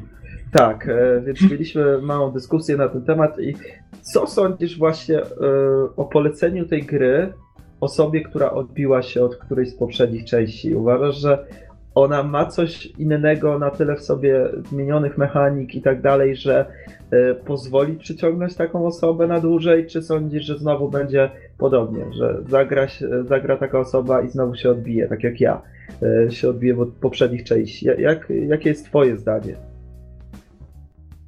Moim zdaniem, z jednej strony uważam, że jeżeli komuś nie podobało się, nie podobały się założenia, podwaliny tej serii wcześniej, to teraz nadal nie będą mu się podobać, bo to wciąż jest teoretycznie to samo. Nadal, przy, nadal mm, inni gracze zostawiają wiadomości na podłogach, nadal możemy zobaczyć powiedzmy ostatnie kilka sekund ich życia na podstawie widma, nadal możemy przyzywać innych graczy do pomocy, inni gracze mogą nas nawiedzać. Nie wiem do końca jeszcze, jak ta mechanika tu została zmieniona. Na razie tylko raz uczestniczyłem w, w akcji koopowej przeciwko jednemu bossowi, więc no to jest tak jak Pillars of Eternity. Grałem już kilka godzin, ale to nadal są pierwsze wrażenia. E, Ale ze względu na zmianę tego settingu, być może do niektórych przemówi to dużo bardziej niż średniowiecze, które już troszeczkę się w tej serii wytarło, co już Dark Souls 2 mi bardzo pokazało. No właśnie e, przy, przy okazji oglądania Awesome Games Done Quick e, oglądałem gameplay, mm, ten speedrun z Dark Souls 2 i ta gra wydawała mi się strasznie taka mdła, nieciekawa stylistycznie, e, taka bez jakiegokolwiek charakteru. W sensie niczym się nie wyróżniała dla mnie takim niesamowitym na tle innych gier. E, Tutaj od razu widać, że ten klimat jest taki brudny, ociekający krwią, zepsuciem i tak dalej, więc już na pewno to przykuwa uwagę, to jest na pewno duży plus. Mhm. Tak, tak, zgodzę się, że tutaj stylistyka faktycznie bardzo pasuje do tej serii, jest dużo mroczniej. No, tak jak zresztą wspomniałeś, postać, jeżeli tylko radzimy sobie dobrze, to postać jest cała obklejona we krwi po iluś tam y, zabitych potworach, więc to też fajne wrażenie buduje. Ogólnie gra jest warta polecenia. Jeżeli ktoś, jeżeli komuś się podobało to, co było wcześniej w serii, brać w ciemno, chociaż gra niestety kosztuje, ja za nią zapłaciłem w Empiku 270 zł, a w Empiku kupowałem tylko i wyłącznie dlatego, że w innych sklepach po prostu tej gry już nie mieli. Byłeś w Empiku? Tak, kupiłem w Empiku, przepraszam. Skąd, skądinąd, skądinąd wiem, że Sony celowo wypuszcza mniej swoich produktów na rynek, żeby ludzie uważali je za produkty ekskluzywne. Więc taką mają taktykę po prostu PR-ową, czy to się lubi, czy nie. No ja niestety, jedyny egzemplarz, jaki znalazłem, ten jedyny ostatni na półce, to właśnie tam. W innych sklepach już mi powiedzieli, że chociaż dzień od premiery, to jedyne co dostali już zdążyli sprzedać. Ale, ale, jeżeli komuś nie zależy na wersji pudełkowej, którą przypomnę można pożyczyć komuś albo zagrać u kolegi, to nie ma żadnych przeszkód, można kupić też wersję na PSN-ie cyfrową, która jest y, tańsza niż, no przynajmniej ta Empikowa, bo kosztuje 250 zł. No więc jeżeli ktoś chce tak, to tak też można. A, to przy okazji podziękuję tutaj serdecznie naszemu wiernemu słuchaczowi, od którego pożyczyłem y, konsolę, bo nie kupowałem PS4 specjalnie po to. Wiem, że nas słucha, więc dziękuję jeszcze raz za pożyczenie sprzętu. Sprawuje się świetnie. Y, I jeżeli ktoś, tak samo jak ja, nie miał wcześniej styczności z PS4, to jeszcze przypomnę, że tym razem, żeby grać po sieci, trzeba wykupić subskrypcję PlayStation Plus. Czyli nie dość, że wydałem kupę szmalu na grę, to jeszcze e, kupiłem roczną subskrypcję na PS Plus, która kosztowała mnie 200 zł, a nie płaciłem na, za konsolę, więc to. Ale tak. dla takiej gry warto. Powiem tak, dla takiej gry jak najbardziej nie czuję się źle z tego powodu, ale zdaję sobie sprawę, że, sprawę, że wydałem kupę szmalu, a nie kupowałem nawet sprzętu, na którym grałem, więc to na pewno nie jest tania impreza. No, trochę tak. A w ogóle tak co do sprzętu, co do mm Dark Soulsów i tak dalej, dlatego, bo też jestem fanem serii, no nie oszukujmy się, od, od samych początków. Naprawdę wielką radochę mi sprawia to, że po raz kolejny umieram i mam ochotę rzucić y, moim padem w ścianę, albo lepiej w jakiś monitor, albo jeszcze lepiej w czyjś monitor, niekoniecznie mój. Y, dlatego, okay. wiesz co, zadam ci y, jedno bardzo ważne pytanie. Słucham. Kiedy wersja dla PC-ta? Niestety, przykro mi, ale tym razem Sony finansowało pracę, więc to pozostanie ekskluzywem, tak jak Demon's Souls pozostało ekskluzywem. Cholera. Ale jeżeli, jeżeli chcielibyście zacząć przygodę z serią i macie peceta, polecam zacząć od pierwszego Dark Souls. Słyszałem głosy, że, że Dark Souls 2 jest bardziej przystępne. Okej, okay, może faktycznie tak jest, chociaż z perspektywy czasu stwierdzam, że Dark Souls 2 dużo lepiej mi się wspomina. Pozostawiło lepsze wspomnienia po sobie. Tutaj możecie wybierać, ale polecam jednak z serią się, jednak się z nią zapoznać. Tutaj jeszcze dodam, że co prawda powiedziałem, że 200 zł zapłaciłem za tą subskrypcję. Można ją oczywiście wykupić tylko na miesiąc, a niektórzy, jeżeli nigdy jej nie kupowali ani nie korzystali z żadnych promocji, to mogą w ogóle chyba z miesiąca czy z dwóch tygodni darmowych skorzystać. Co, coś takiego było. W każdym razie to nie trzeba aż tyle na to wydawać oczywiście i trzeba pamiętać, że ta subskrypcja daje jeszcze darmowe gry co miesiąc, e, zniżki i inne tego typu rzeczy, więc tu nie chciałbym, żeby osoby niezaznajomione z tematem pomyślały, że to że to aż tyle kosztuje. Po prostu wykupienie rocznej subskrypcji bardziej się opłacało i kalkulowało.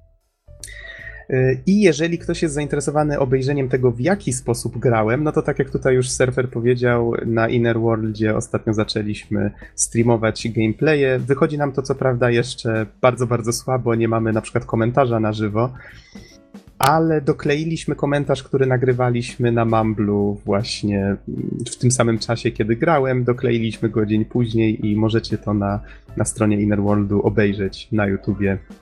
40, 40 minut z komentarzem naszym, z rozmową i jeszcze są, jakby ktoś chciał, to bez komentarza łącznie dwie godziny można na Twitchu obejrzeć e, gameplay. Więc do tego linka mm, zamieszczę pod podcastem, ale wydaje mi się, że powinniśmy przechodzić do recenzji, bo czas nas goni. Don, Don, czy jeszcze jesteś? Oczywiście, że jestem. Czekasz. To dobrze, bo czas zacząć w takim razie recenzję The Vanishing of Ethan Carter. I powiedz, czy mam tutaj jakieś dane encyklopedyczne podać? Oczywiście, tradycji zawsze musi stać się zadość. Hell yeah! W takim razie gra powstała na Unreal Engine 3. Można w nią zagrać na PC i będzie można na PS4. Widzę, że ta wersja nadal nie wyszła, ale ma wyjść w tym roku. Z kolei gra miała, przepraszam, swoją premierę 26 września 2014 i została stworzona przez polskie studio The Astronauts Adriana Chmielarza. Tak, które właściwie bazowo składa się z, jeśli dobrze patrzę, ośmiu członków. E, Natomiast jak taką ciekawostkę typowo dwupadową jest to jedna z gier, która dostała honorową nominację do gry roku 2014, ale jako, że, że ze względu na wtedy przestarza, przestarzały sprzęt nie mogłem jej ukończyć, więc, e, więc ostatecznie e, do tego nie doszło. Też wspomniałem o niej w sposób honorowy. A, a tak z ciekawości, Mhm. jeżeli mógłbym zapytać, czy gdybyś ją skończył, znaczy mając tę wiedzę, którą masz teraz, czy faktycznie ta gra mm, zasłużyłaby na, na grę roku w swoich Na oczach? pewno miałbym bardzo duże, duży problem, Aha.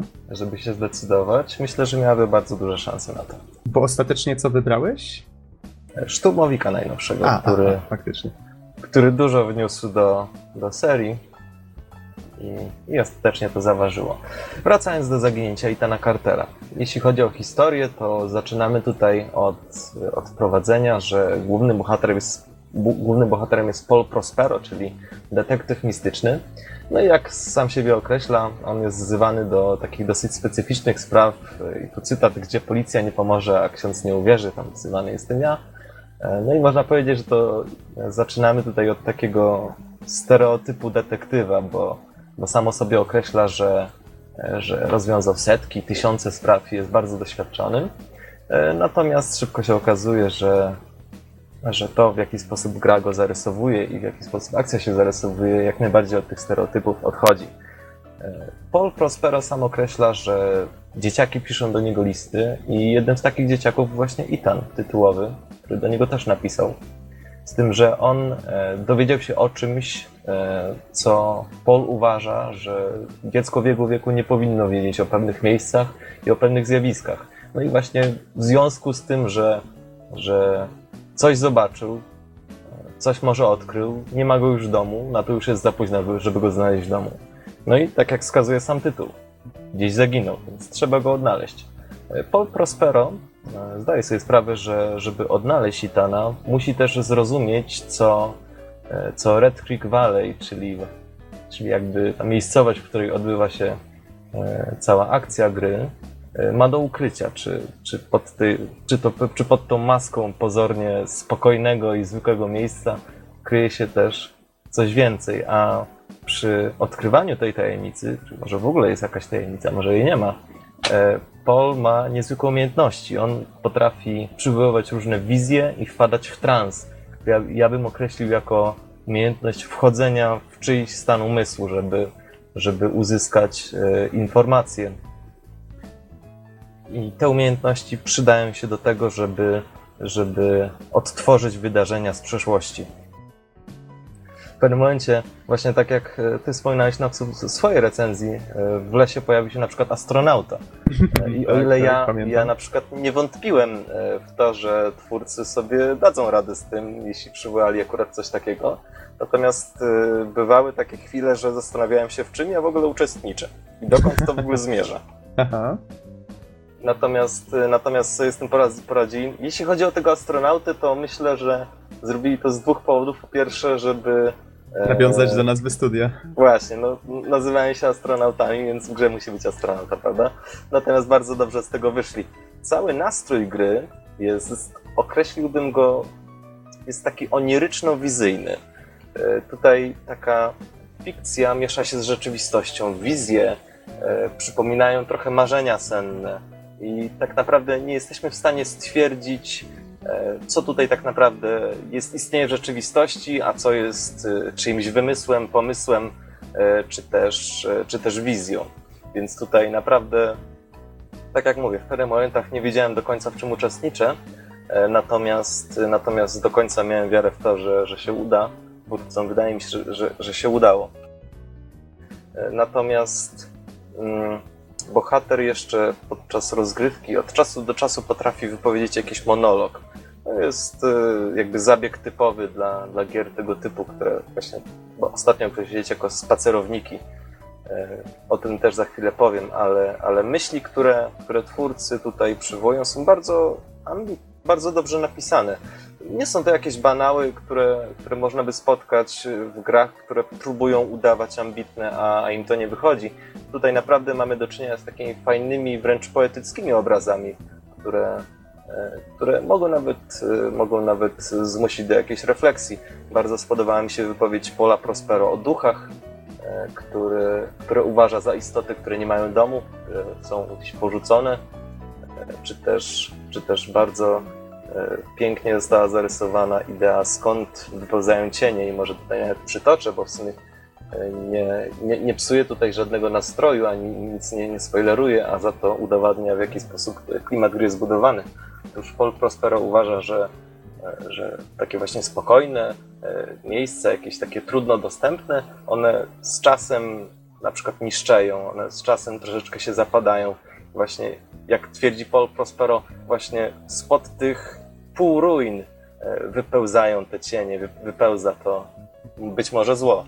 Więc tutaj bardzo ciekawe obrazy są zarysowywane.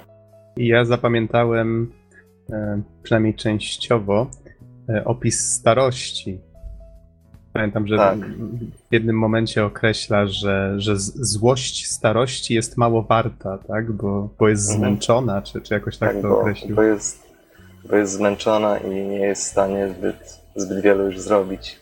W każdym razie myśli i, i pewne motywy, które są przywoływane, naprawdę są przywoływane.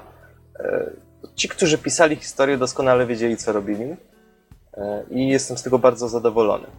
Natomiast e, sam klimat oczywiście nie tylko jest stworzony przez historię, ale także przez to, jak w się gra e, i jak wygląda level design.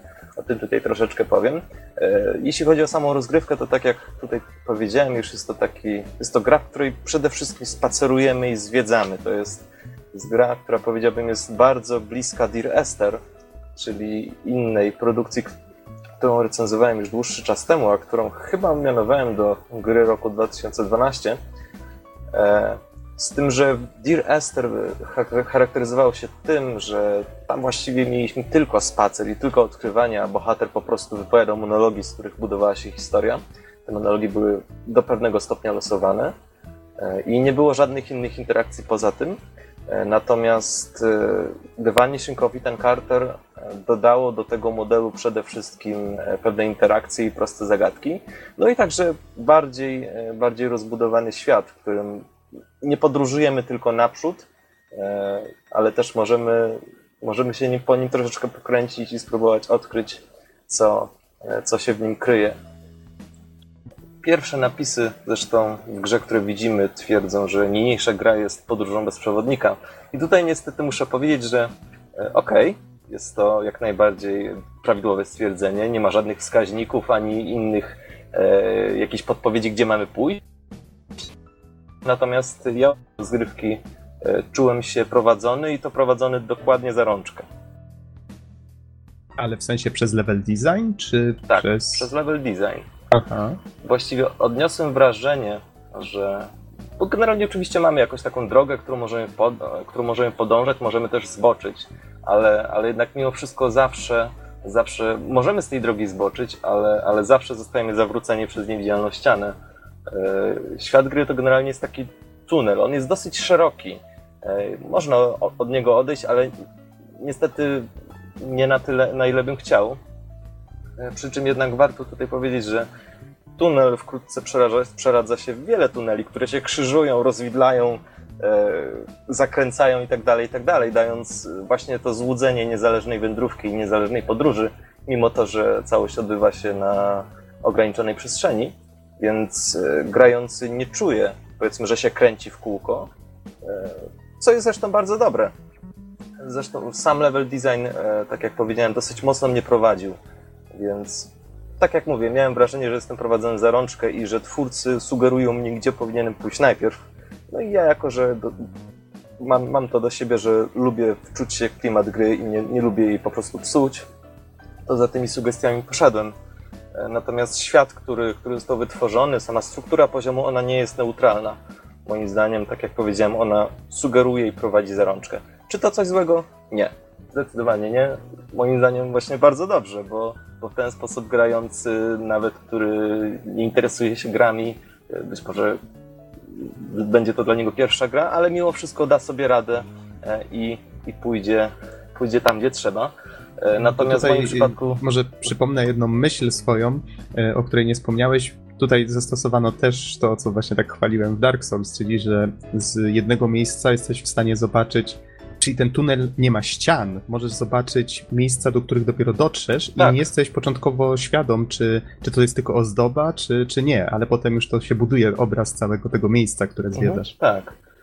Ja zauważyłem akurat takie jedno miejsce najbardziej, ale e, w każdym razie, no jak mówię, w moim przypadku niestety to poczucie takiej zupełnej niezależności i idź gdzie chcesz i zobaczymy co z tego wyjdzie, nie wyszło. Czułem się trochę jakbym był prowadzony za, za rękę i miałem też wrażenie, że, że lokacje najlepiej kończyć w określonej kolejności, bo, bo pewne się ze sobą wiązały, no ale są to tylko moje wrażenia. Level design naprawdę został bardzo dobrze wykonany i cieszę się, że to wyszło jak wyszło.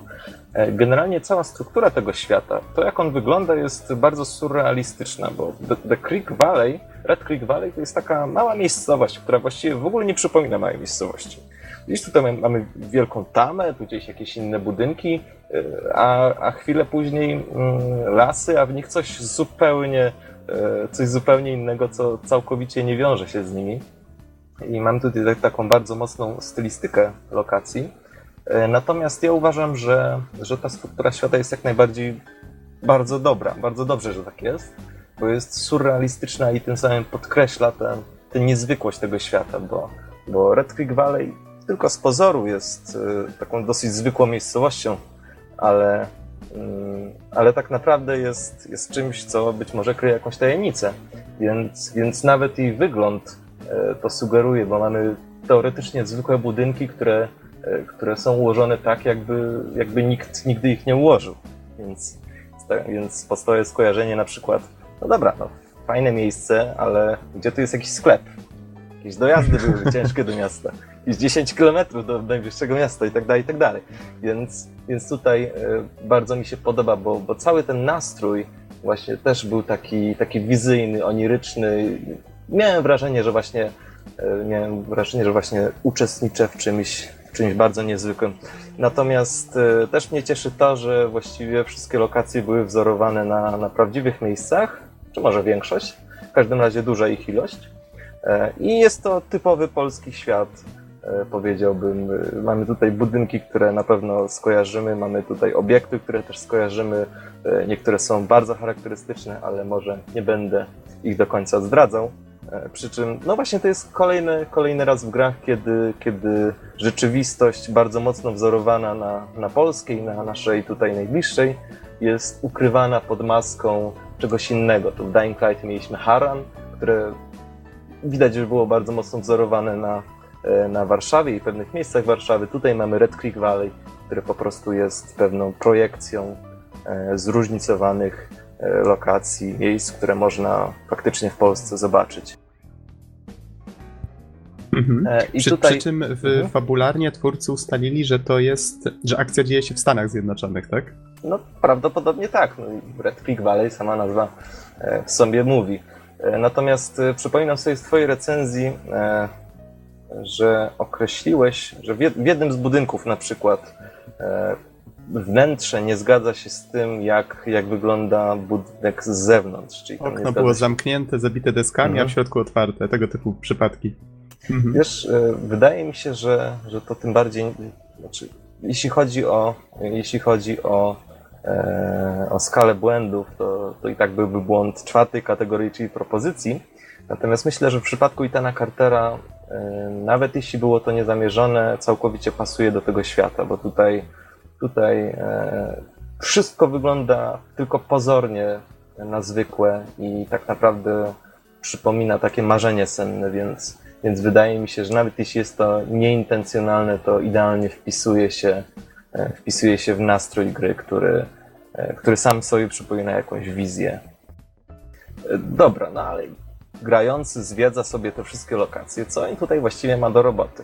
E, Generalnie mm, co jakiś czas, no Red Creek Valley to może jest spokojne miejsce, ale co jakiś czas można spotkać zwłoki, które, czy ślady morderstwa i właśnie to jest jedna z kluczowych e, elementów gameplayu, które pozwalają nam e, postępować dalej, gdyż mamy na przykład takie miejsce, powiedzmy, powiedzmy jakieś ciało porzucone gdzieś przy torach kolejowych i właśnie główny bohater, czyli Paul, Paul, Paul, Prospero, e, ma tą niesamowitą zdolność wizji.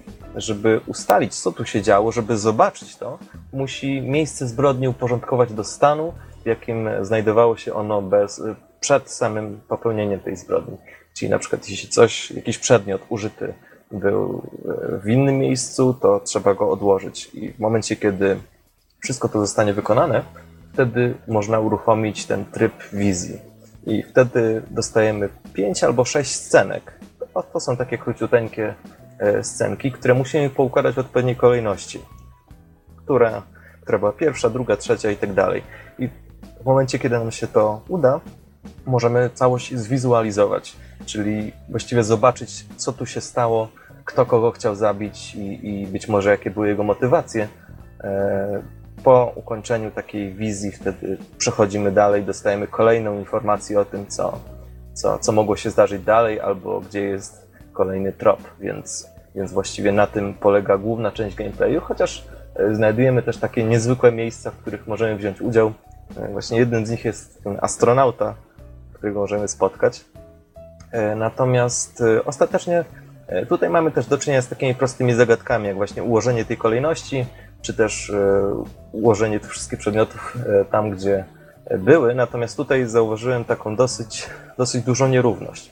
Czy zdaję sobie sprawę, że wszystkie te zagadki są, są dosyć symboliczne i raczej zrobione po to, żeby, żeby gra nie polegała na samym spacerowaniu, a żeby też miała trochę urozmaicenia.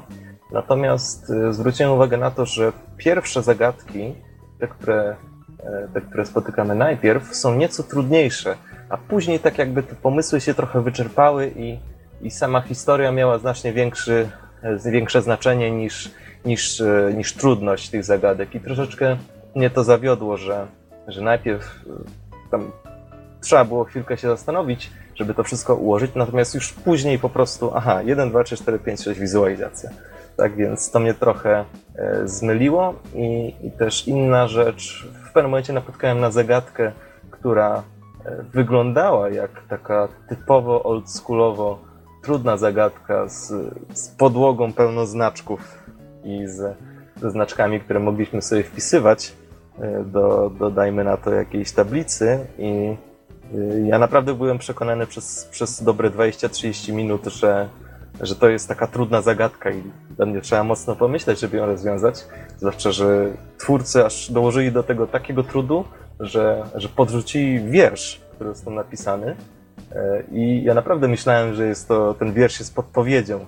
I, I dobre 20 minut siedziałem nad tym, żeby ją rozwiązać. Po prostu okazało się, że, że rozwiązanie jest bardzo banalne i zupełnie nie jest związane z tym, co, z tym, co miałem na myśli. E, tak to wyglądało niestety.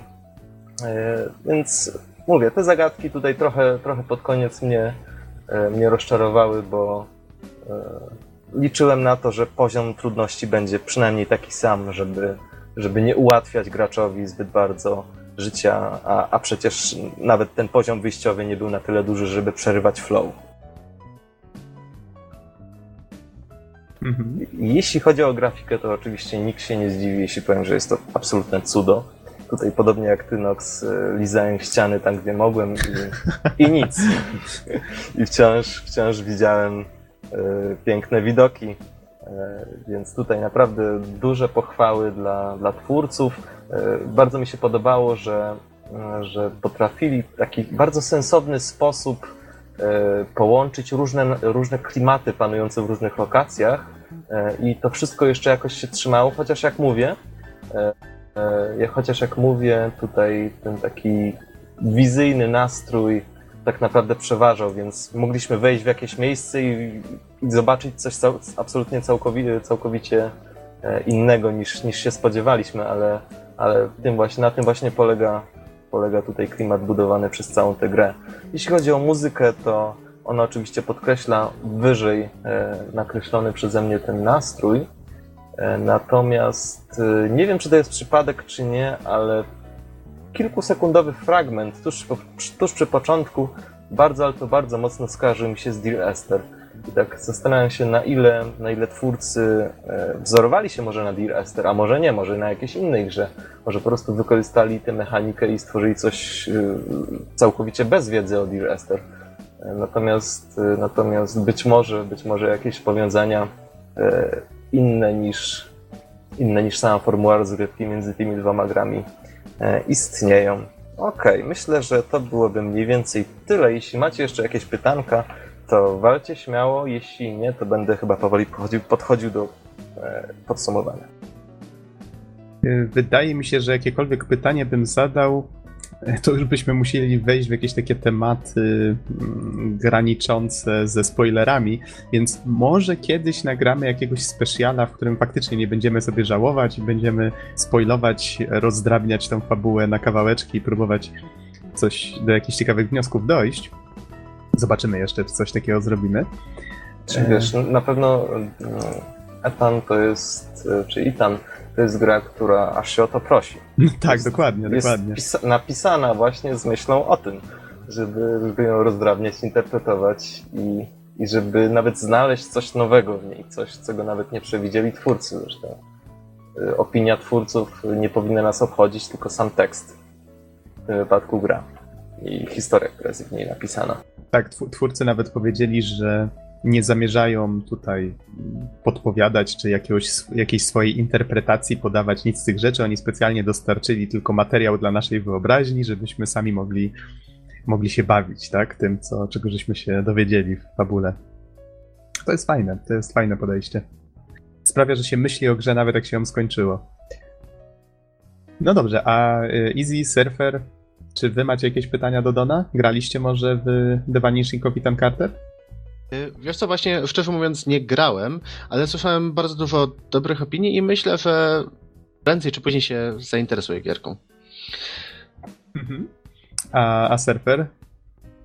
Nie wiem, czy Surfer nie zniknął momentalnie. Chyba go nie ma. No dobrze, to Don, czy ogólnie rozumiem, że gra według ciebie jest super i ją polecasz, tak uogólniając, tak? No, zdecydowanie tak.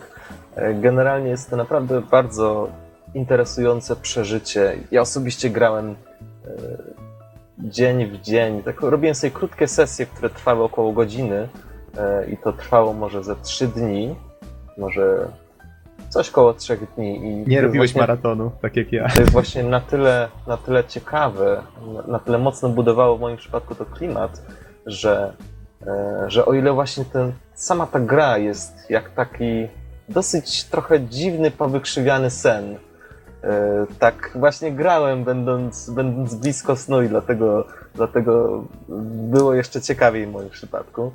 E, Zdecydowanie świat jest e, bardzo piękny, malowniczy i skrywa mroczną tajemnicę, którą warto poznać. E, Podoba mi się, tak jak powiedziałem, to pomieszanie wizji, snów, stanów czyichś umysłów i przedstawienie to w tym wszystkim, w tym takim jednym kotle i wymieszaniu i, i zupełnie nawet pogubieniu gracza, który w tym momencie nawet nie wie, w czym uczestniczy. E, Zagadki są pomysłowe niejednokrotnie. One odchodzą nieraz od e, tego schematu, który opisałem, czyli morderstwo, określenie kolejności. E, I to mi się bardzo podobało, bo z niektórymi pomysłami nawet nigdy wcześniej się nie spotkałem. Chociaż, tak jak powiedziałem, ten poziom momentami nie był na tyle wysoki, na ile sprawiał wrażenie. Więc na pewno gra jest też bardzo interesująca, jeśli chodzi o interpretację i odkrywanie to, co w niej jest. Mówi to wam e, doktorant Instytutu Polemistyki Stosowanej UW, więc e, moim zdaniem jest to bardzo porządnie napisane. Więc myślę, że, że może o ile, o ile, jako że sam fakt, że ja jestem doktorantem, może nawet nie znaczyć tyle, ale sam Instytut jest bardzo dobry. Natomiast, e, natomiast co jeszcze mnie zaciekawiło? Ja generalnie e, z ciekawością zobaczyłem napisy końcowe, bo stwierdziłem sobie, no dobrze, no jest to 8 osób astronautów. Nie, nie, nie wątpię, że są to ludzie bardzo utalentowani, że udało mi się stworzyć grę indie, która naprawdę pod względem graficznym e, powala wiele tytułów e, wysokobudżetowych, natomiast bardzo mnie zastanowiło, czy to właśnie oni e, zebrali się na wiele z tych poetyckich myśli, które w grze występują. I z ciekawością obejrzałem napisy końcowe, no i oczywiście okazało się, że, że niestety nie do końca. Historia została stworzona przez dwóch ludzi, zarówno historia, jak i dialogi. Jeden z nich to Tom Bissell, a drugi to Rob Outen, E, I prawdopodobnie to są jacyś pisarze, nie sprawdzałem e, kim oni są, ale zdecydowanie e, warto, warto pochwalić ich. Jeśli kiedykolwiek by nas posłuchali, warto pochwalić za to, że, że stworzyli piękną historię. No i jeśli jeszcze, jeśli jeszcze się nie zdecydowaliście, to zdecydowanie polecam udział w tym doświadczeniu. Mhm. A ja mam ostatnie jeszcze pytanie. Powiedz, na ile godzin y, złożyły się te trzy wieczory? Wiesz co, właśnie z tego co pamiętam, ty mówiłeś o 6 godzinach. Ja chyba 8 e. godzin. Ja maraton zrobiłem i chyba 8 godzin łącznie, albo 6, chyba 8. Tylko, że ja się zgubiłem w jednym momencie i nie zauważyłem jednego przejścia. Pewnie się domyślasz do, do jakiej lokacji, do ostatniej. Mhm. Ale to, to sam się potem puknąłem w czoło, że, że to pominąłem. E, ja, ja, akurat kombinowałem, jak tam dojść w inny sposób. Aha, rozumiem, ale miałeś pomysł. Ale... Wygląda na to, że, że tutaj trochę ten trochę design był niezbyt oczywisty. Czegoś zabrakło, tak, faktycznie, żeby poprowadzić za rączkę ten jeden ostatni raz. Ale mm, powiedz mi, nie pamiętasz może, ile godzin tobie zajęła gra? E, niestety nie pamiętam. To doświadczenie bliskie snu jak, jak widać, wym, wymknęło się mojemu umysłowi, natomiast e, Steamowi też, dlatego że grałem, też. grałem offline. I, I, niestety przez większość gry mam tylko zarejestrowane pierwsze tam 50 kilka minut, które grałem online. Jeszcze mogę powiedzieć, że już tak absolutnie dla ciekawostki, że podczas rozgrywki zrobiłem ponad 340 zrzutów ekranu i te zrzuty ekranu nie tylko miały na celu utrwalenie jakichś widoków e, czy ciekawych miejsc, ale też e, linijek dialogowych, które uważałem za, za ważne. No i muszę powiedzieć też, że słyszałem taką dosyć trochę prześmiewczą opinię, że raczej taką serdecznie prześmiewczą, ale, ale jednak taką ciekawą, że, że właśnie Ethan Carter to jest jedna z tych gier, które należy zaliczyć do nurtu symulatorów robienia tapet. Coś w tym jest. No to tak trochę na fali popularności symulatorów. Okej. Okay. W takim razie wydaje mi się, że najwyższa pora, jeżeli nie ma już więcej pytań do Dona, przejść do, do ostatniej recenzji. Mam nadzieję, że to nie będzie wcale jakaś długa recka. Zresztą gra też nie jest długa. Mowa mianowicie o Vanquish. Nie jest to tytuł świeży, ale chciałem się właśnie tym bardziej zapytać, czy ktoś z Was miał okazję w niego zagrać lub go skończyć? Ja grałem. A przeszedłeś? E, chyba nawet tak. Szczerze -hmm. mówiąc, wiesz, że nie pamiętam. tak, tak, znaczy wiesz, świetnie się w niego grało, ale jakoś takie możliwe, że przeszedłem, a później jeszcze raz tak po prostu dla samej rozpierdziuchy grałem. Oj tak, bo to jest jedna z tych gier, które można sobie odpalić po prostu, żeby się rozluźnić i zrobić tą, jak to nazwałeś, rozpierdziuchę, tak? No dokładnie. Po, po odkryciu sekretu Red Valley można odpalić ze spokojem Vanquish.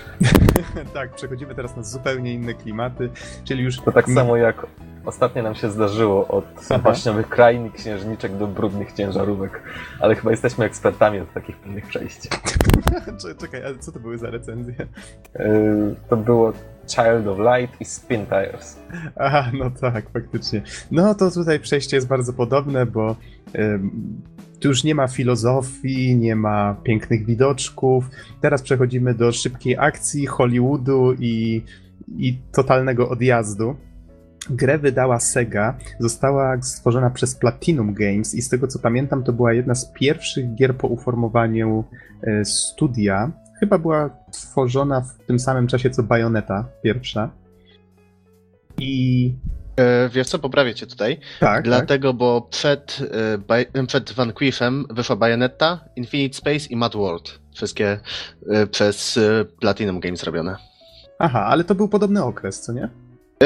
To znaczy rok, w kolejnym roku po Bajonetcie. Bayonetta to jest 2009, już sprawdzę nawet. Tak, to ty sprawdź Bajonetę, a ja podam dane dotyczące Vanquisha. E, Można w niego zagrać na PS3, na Xboxa 360 i ukazał się w październiku 2010. A jak znajdziesz jakieś dane na temat Bajonety, to, to daj znać. Bayonetta to jest październik 2009 w Aha, Japonii, a, w, a reszta świata styczeń, początek stycznia. Okej, czyli jednak była dość spora różnica, to już nie pamiętałem aż tak dokładnie. Y, Niemniej przypomnę, że Platinum Games zostało stworzone przez, założone przez osoby, które odeszły z Capcomu. Nie wiedzieć czemu Capcom postanowił pozbyć się wszystkich najzdolniejszych ludzi prawdopodobnie u siebie, a przynajmniej tych bardziej znanych, bo przy samym Vanquishu pracował Shinji Mikami, znany z serii Resident Evil. Y, I jeżeli miałbym określić tę grę w jakiś taki w miarę w miarę, jakimś takim miarę spójnym określeniem, to użyłbym zdania szybki i wściekły shooter TPP. A dlaczego szybki i wściekły, to zaraz wyjaśnię. Fabuła gry no tutaj jak Shinji Mikami nas w rezydentach przyzwyczaił, fabuła nie jest jakimś najważniejszym e, elementem jego gier. Mm, Tutaj chociażby, żeby wskazać, no nie, nie wiem, czy akurat on pracował przy, przy piątce, ale to właśnie, to właśnie mniej więcej ten poziom.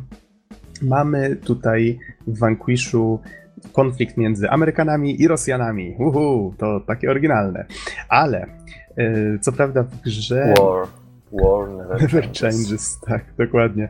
E, Co prawda, nie mamy tutaj podanego w grze, a przynajmniej ja nie pamiętam, żeby gra mi mówiła, jaki jest background historyczny tego, tego świata w grze naszego.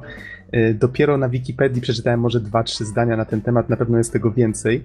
Gra starała się mi te informacje podawać na ekranach ładowania, które znikały po kilku sekundach, więc nie potrafiłem niczego się dowiedzieć tak naprawdę na temat tego świata.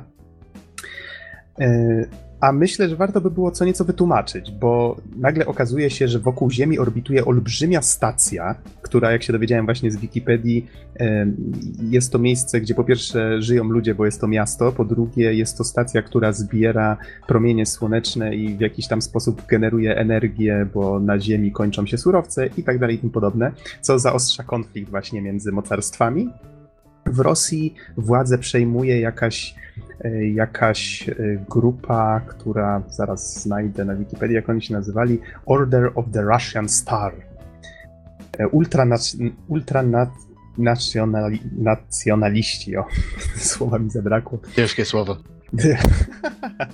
w każdym razie to jest background. To jest background, który w grze właściwie jest średnio wytłumaczony.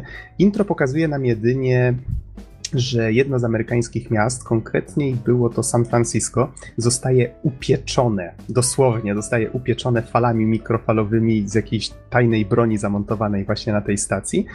No i pojawia się Trwało to zagrożenie. dwie minuty i w momencie, kiedy zostało upieczone, taki... Miasto spacyfikowane. Miasto spacyfikowane. Jeżeli wiecie, jeżeli graliście w Metal Gear 4, to wiecie, co to znaczy być usmażonym. Okej, nie wnikajmy dalej w ten temat.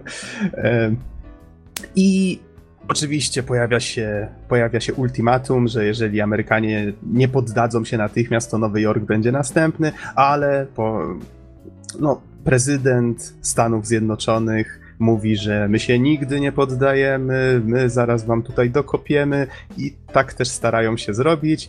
Y, DARPA wysyła swojego agenta, który się nazywa Sam Gideon. Ten agent bawi się troszeczkę w Ironmana, ponieważ testują w DARPie e, nowoczesny pancerz, zbroję, który sprawia, że ten, ten żołnierz w środku po pierwsze może się poruszać z jakimiś strasznymi prędkościami, po drugie ten pancerz w jakiś sposób wpływa na jego układ nerwowy i sprawia, że wokół niego czas potrafi zwolnić, a przynajmniej on potrafi reagować szybciej. Innymi słowy bullet time. E, I można to po prostu określić na zasadzie, że mamy tutaj Amerykanie kontra Rosjanie, egzoszkielety, lasery, dużo strzelania, tak? To ty Easy tak pięknie, żeś tę grę ujął przed podcastem. Bardzo mi się ten opis spodobał. I tak można ogólnie fabułę skrócić. Gra zaczyna się w ten sposób, że e, mamy wielką bitwę w kosmosie. Amerykanie starają się zrobić abordaż tej olbrzymiej stacji. Wbijają do niej w efektowny hollywoodzki sposób, i tutaj myślę, że słowo hollywoodzki będzie się pojawiać w tej recenzji jeszcze wiele razy, bo, bo fabuła, zwroty akcji, dialogi, dosłownie wszystko jest tutaj przedstawione z gracją słonia w hollywoodzkim składzie porcelany. Dosłownie. Jeżeli graliście w Resident Evil 5 i śmialiście się na przykład z dialogów w, z Weskerem, wszystkie to było czyste złoto, dosłownie taki absurd, ale było to takie złoto, że można się było z tego całkiem fajnie nabijać i, i tutaj jest podobnie twórcy doprowadzają do sytuacji, gdzie wszystko wybucha wokół, przewraca się, bohaterowie podejmują dziwne, głupie decyzje. Mamy generała, który. Jak on się właściwie nazywał? Nie pamiętam w ogóle, czy był generałem, już patrzę tutaj na swoją ściągawkę. To był Robert Barnes, taki koleś z olbrzymimi mułami, z mechaniczną ręką, który bez przerwy wrzeszczy i taki typowy, stereotypowy e, dowódca na polu bitwy. Tylko, Paton że... XXI wieku. Słucham? Generał Paton XXI wieku.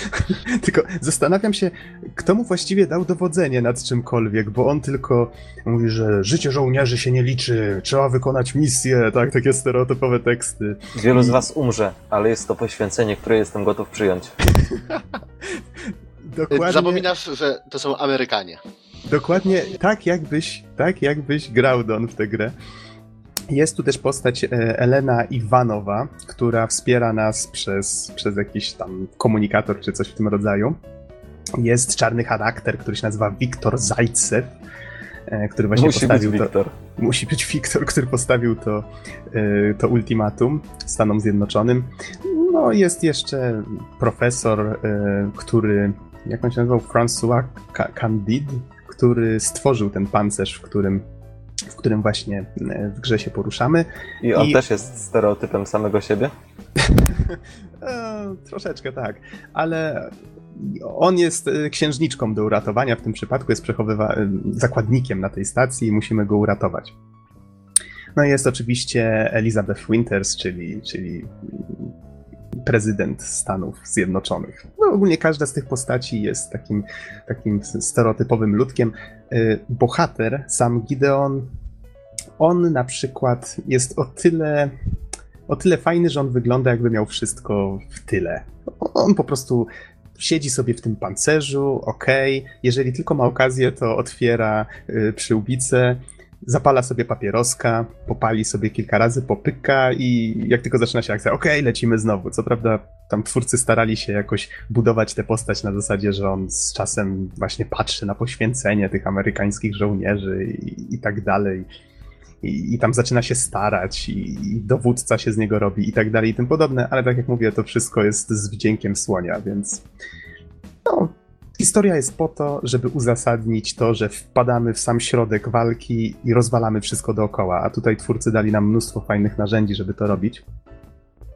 Bo jedną z takich fajniejszych przerysowanych rzeczy w tej grze jest właśnie to, w jaki sposób się w tym pancerzu poruszamy.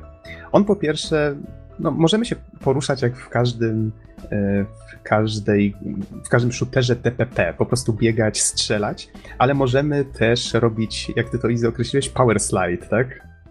Tak, dokładnie, power slide. Czyli, czyli tak, jak, tak jak gitarzyści na koncertach jadą i grają na gitarze, tak można ślizgać się po, po podłożu i strzelać do wszystkiego, co się rusza. Tak, na kolanach, na zasadzie, że e, sam pada na kolana i jeszcze do tego ma takie e, rakietowy odrzut, tak? Czyli robi coś w rodzaju takiego rakietowego power slide'a. Ale wiecie co, ja ten, ja w ogóle nie widzę powodu dla, sensownego dla waszego zdziwienia. No jeśli ratować świat, no to trzeba to zrobić ze stylem, tak? tak, pod tym względem ta gra robi to doskonale. Um, jeszcze można to połączyć ze spowolnieniem czasu, bo jeżeli tylko zrobimy unik i naciśniemy odpowiedni przycisk, świat zwalnia, możemy wtedy no, troszeczkę jak w Maxie Payne. Możemy wtedy wycelować w konkretne punkty przeciwnika, możemy w spowolnieniu właśnie ubić kilka celów jednocześnie.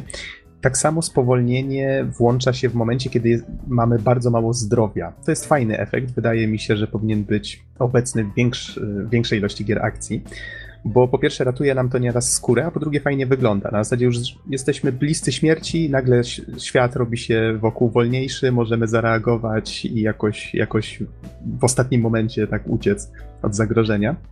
I sam posiada też broń, która bodajże się nazywa Blade. Jest to jedna broń, która transformuje się w wiele broni, tak co sobie twórcy wymyślili.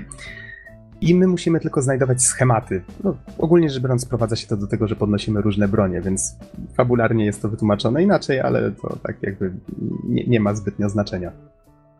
Y, I mamy przeróżne takie sprzęty, które właściwie pojawiały się już w wielu innych grach, czyli mamy snajperki, shotguny, karabiny, jakieś rakietnice. Czasami zdarzy się coś bardziej nietypowego w rodzaju e, broni, która wystrzeliwuje wiele rakiet jednocześnie i one się wszystkie naprowadzają na cele, które wcześniej wybraliśmy. Wszystko jest jak najbardziej lekko, lekko lub bardziej przerysowane, efektowne i musi oczywiście być dużo, dużo wybuchów.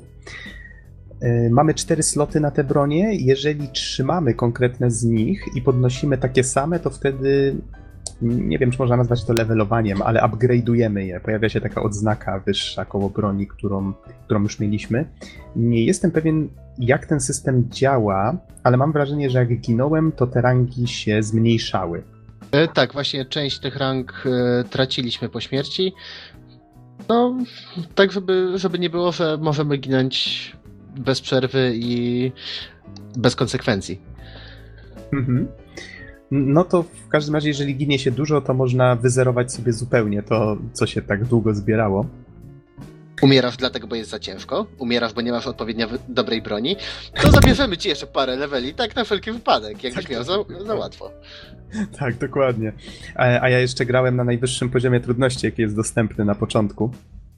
Więc y, być może dlatego grałem jakieś tak 6-7 godzin, bo ludzie często pisali w recenzjach, że o, grę można skończyć w 4 godziny, to po co ją kupować? I ja właśnie kierując się tymi recenzjami czekałem, aż gra będzie dostępna taniej. E, no i trochę latek poczekałem, ale, ale grę, gra po pierwsze jest nastawiona na masterowanie, można ją przechodzić na kolejnych poziomach trudności, jest tryb wyzwań i inne tego typu rzeczy. Na najwyższym poziomie trudności, no tam z 70 razy sobie zanotowałem, chyba zginąłem, więc trochę, trochę miejsc musiałem powtarzać. A żeby było śmieszniej, połowa tych śmierci to była walka z ostatnim bossem. Faktycznie w tym momencie poczułem, że oho, gra się w tym momencie zrobiła poważna. Walka była fajna. E, z kolei wspominałem o, o tych mechanikach, wspomniałem o, o broni. E, czasami pojawiają się jakieś takie sekwencje w rodzaju, mm, znaczy sekwencje. Mamy tu mechanikę na przykład pozwalającą na zbijanie rakiet w powietrzu, czyli możemy spowolnić czas i zestrzelić rakietę, która w nas leci. Są tu takie właśnie fajne e, hollywoodzkie akcje, no nazwijmy to w ten sposób. Nie wspomniałem o przeciwnikach. Przeciwnicy, nie mamy tutaj ludzkich właściwie przeciwników, walczymy z robotami, więc nie ma tutaj właściwie krwi, jest dużo złomu, tak, tak. I niestety jest bardzo małe zróżnicowanie tych przeciwników. Są jakieś małe robociki, większe robociki, e, są wielcy bossowie.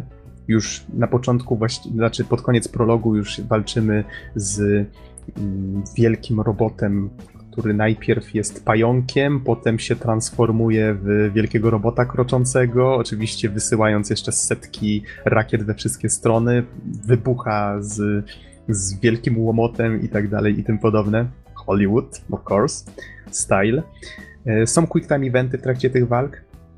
Niestety widać, że twórcy troszeczkę przeoszczędzili, bo ten boss, którego teraz opisałem, on się pojawia w grze na przykład kilka razy. W pewnym momencie walczymy z dwoma takimi, jeszcze w innym momencie on się pojawia w jakiejś cutscence i tak dalej i tym podobne. Więc choć jest kilka walk z bossami, to niestety mogłoby to być, mogłoby tam być trochę więcej, więcej tego typu walk właśnie jak ta pierwsza. Myślę, że to jest to, to jest dość spora wada, jak ktoś oczekuje, że będzie dużo bardzo zróżnicowanych bossów. Jest takich walk kilka, ale nie, niestety nie za wiele. Tutaj troszeczkę przeoszczędzono. Z kolei z kolei jest sporo cutscenek. One są też tak samo przerysowane, też po hollywoodzku. Wspomniałem o tym, że jest tryb wyzwań. Jeżeli komuś nie wystarczy to, że po każdym etapie gry, bo gra jest liniowa oczywiście, że po każdym etapie są wyświetlane statystyki, które można poprawiać, to jeszcze istnieje tryb wyzwań, w którym jesteśmy wrzucani na arenę i jesteśmy zasypywani przeciwnikami. Musimy przeżyć po prostu kolejne fale. E, co ja tutaj sobie jeszcze takiego zanotowałem? Bo w samą grę grałem już miesiąc temu, więc trochę czasu minęło. Jeżeli macie jakieś pytania, to, to powiedzcie. Ja tutaj sobie patrzę. Mm, o, nie wspomniałem na przykład o level designie. Level design jest, jest całkiem fajny i, e, i warto tu wspomnieć o kilku rzeczach. Na przykład sama stacja jest inspirowana, myślę, Halo, bo jak miasto w tej stacji, ono jest po wewnętrznej stronie mm, takiego pierścienia. Jeżeli stoimy powiedzmy na ulicy i spojrzymy w niebo, to widzimy, to widzimy drugą część tego miasta, tak, która się zapętla w kółko. Identycznie jak w Halo to wygląda. Robi to całkiem fajny efekt, chociaż akcji na ekranie dzieje się tyle, że z reguły nie mamy kiedy to, tego podziwiać. Y, jest tu kilka fajnych pomysłów na niektóre lokacje. Mamy tu obowiązkowo, jak w wielu grach akcji, strzelaninę na pociągu jadącym, tylko że są to pociągi antygrawitacyjne, czyli mamy na przykład dwa, y, dwa tory obok siebie i w pewnym momencie, jak strzelamy się z przeciwnikami w drugim pociągu, ten drugi pociąg nagle zjeżdża na ścianę, nagle zjeżdża na sufit i strzelamy się z gośćmi, którzy stoją na suficie w tym samym momencie. Więc są to takie fajne akcje. Szkoda, że jest ich tak niewiele. W którymś momencie gry pojawia się też korytarz antygrawitacyjny, w którym e, chodzi, nie wiem, czy można tak nazwać, e, w którym chodzimy po e, po podłodze, w tym, że ta podłoga właśnie też jest tak zapętlona, na zasadzie, że możemy kółeczka sobie robić w tym, w tym korytarzu. No więc są takie fajne pomysły, które myślę, że mogłyby tu być trochę, trochę lepiej wyeksploatowane. I wydaje mi się, że jak na tak niewielką grę, to ona nie jest zbyt długa. Jest. Opisałem tutaj główne mechanizmy, y, jak ona funkcjonuje. Jeżeli ktoś szuka jakiejś bardzo fajnej, intensywnej gry akcji, żeby się po prostu wyluzować no, na niższych poziomach trudności, a jak szuka wyzwania z fajną grą akcji, to na wyższych poziomach trudności też znajdzie coś dla siebie, warto brać. Warto brać. Gra nie jest w tej chwili jakoś szczególnie droga. Ja ją na jakiejś e, na jakiejś promocji dostałem chyba za 30 zł, 40. Myślę, że to jest całkiem niezła cena. Faktycznie można się nieźle bawić, można ją przechodzić potem na kolejnym poziomie trudności, który się odblokowuje, można ten tryb wyzwań masterować i tak dalej i tym podobne. Gra się bardzo przyjemnie. No, ogólnie rzecz biorąc polecam jest to gra, która przy okazji też można się pośmiać troszeczkę właśnie przy, przy fabule. Czasami nie wiadomo, czy ta gra stara się być poważna, czy, czy poważnie śmieszna, tak balansuje niebezpiecznie na tej granicy. Jak ktoś grał w Residenty ostatnio, to, to wie, co mam na myśli. To jest mniej więcej ten poziom przedstawiania fabuły. Ja powiem tak, to jest w sumie dosyć takie charakterystyczne właśnie w grach Platinum, że wszystko jest takie over the top strasznie przerysowane, prześmiewcze i z jednej strony właśnie może się wydawać, że coś ma być poważnie przedstawionego, ale zaraz potem się okazuje, że jest nagle wybuch i wszyscy strzelają i wszyscy się siekają nawzajem. I po mhm. prostu zaczynają sobie z tego robić jaja. Więc jeżeli lubicie gry Platinum Games, jeżeli właśnie takie tak zwane cinematic slashery, słyszałem wśród, yy, wśród niektórych recenzentów właśnie takie określenie, cinematic slasher w sensie ma być przede wszystkim ma być jadka na ekranie, ma, by, ma to super wyglądać. Y, to jest najważniejszy punkt cinematic slasherów, ale do tego Platinum Games potrafi dorobić mechanikę, która jest na tyle angażująca i wciągająca, jest niemałym wyzwaniem, ale daje masę radochy z robienia demolki, gdzie tylko patrzysz. Lepiej bym tego easy nie podsumował. Dzięki. Jeszcze dodam jako ciekawostkę, że na tegorocznym Awesome Games Done Quick jedna osoba przeszła Vanquish nie dość, że w jakiś taki czas w rodzaju dwie godziny niecałe, to jeszcze, albo godzinę, już nie pamiętam, to jeszcze przeszedł go jedną ręką.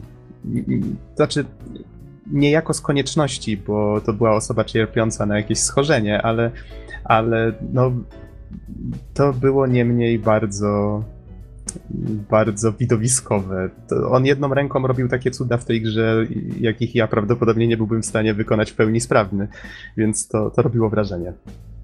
I Jeszcze- Myślę, że zamieszczę ten filmik pod podcastem pewnie, może jak go znajdę gdzieś. Ja jeszcze dodam, że y, Vanquish, pomimo że był naprawdę bardzo dobrze oceniany w najróżniejszych serwisach, Słabo się sprzedał, no. słabo się sprzedał, ale za to zgarnął bardzo fajne nagrody z tego, co tutaj widzę. Na przykład Best Science Fiction Game spoko, Best Shooter jeszcze spoko, ale od GameSpotu y, dostał Best Game No One Played, a od Games Radar dostał jeszcze Most Oh Shit Moments Per Minute. A, bo tu można robić jeszcze takie akcje, o tym zapomniałem. Jeżdżąc na tych kolanach, można podjechać do przeciwnika, odbić się od niego, wtedy włączyć e, spowolnienie czasu i jeszcze lądując na ziemię, pach, pach, pach, pach, pach, wykończyć go. Więc tak, to można robić takie akcje i przyznam szczerze, że gdybym miał wskazać grę podobną do Vanquisha, to miałbym problem. To jest chyba jeden z najbardziej oryginalnych y, pod względem mechaniki y, shooterów TPP, w jakie grałem. Więc wydaje mi się, że jeżeli ktoś lubi takie gry, to jak najbardziej bierzcie w ciemno. Jest świetna. Szkoda, że się nie sprzedała, bo może mielibyśmy sequel. Może byłby dłuższy, bo wydaje mi się, że to był główny powód, dla którego ludzie gry niestety nie kupili. Po prostu dowiedzieli się z recenzji, że można przejść ją w 4 godziny, co jak już powiedziałem, nie jest do końca prawdą, jeżeli gra się na wyższych poziomach trudności. No i cóż, to, to prawdopodobnie ostro w sprzedaż poszło. Czy macie jeszcze jakieś pytania? I czy w ogóle surfer żyje? O, żyje surfer. Surfer żyje, ale strasznie słabo, bo troszeczkę choroba mnie męczy. To zaraza z Bloodborda chyba. E, Okej, panowie, czy są jakieś pytania? Bo powinniśmy już kończyć, niestety. Yy, kończymy już? No chyba, że chcecie jeszcze gadać całą noc. E, jakby ci to powiedzieć? To są pytania? Czy nie ma? Nie ma. Okej, rozumiem. Nie ma żadnych pytań. W takim razie kończymy i dziękujemy wszystkim bardzo za uwagę. Do usłyszenia w następnym odcinku. Trzymajcie się. Dzięki No, wielkie, cześć, cześć. papa.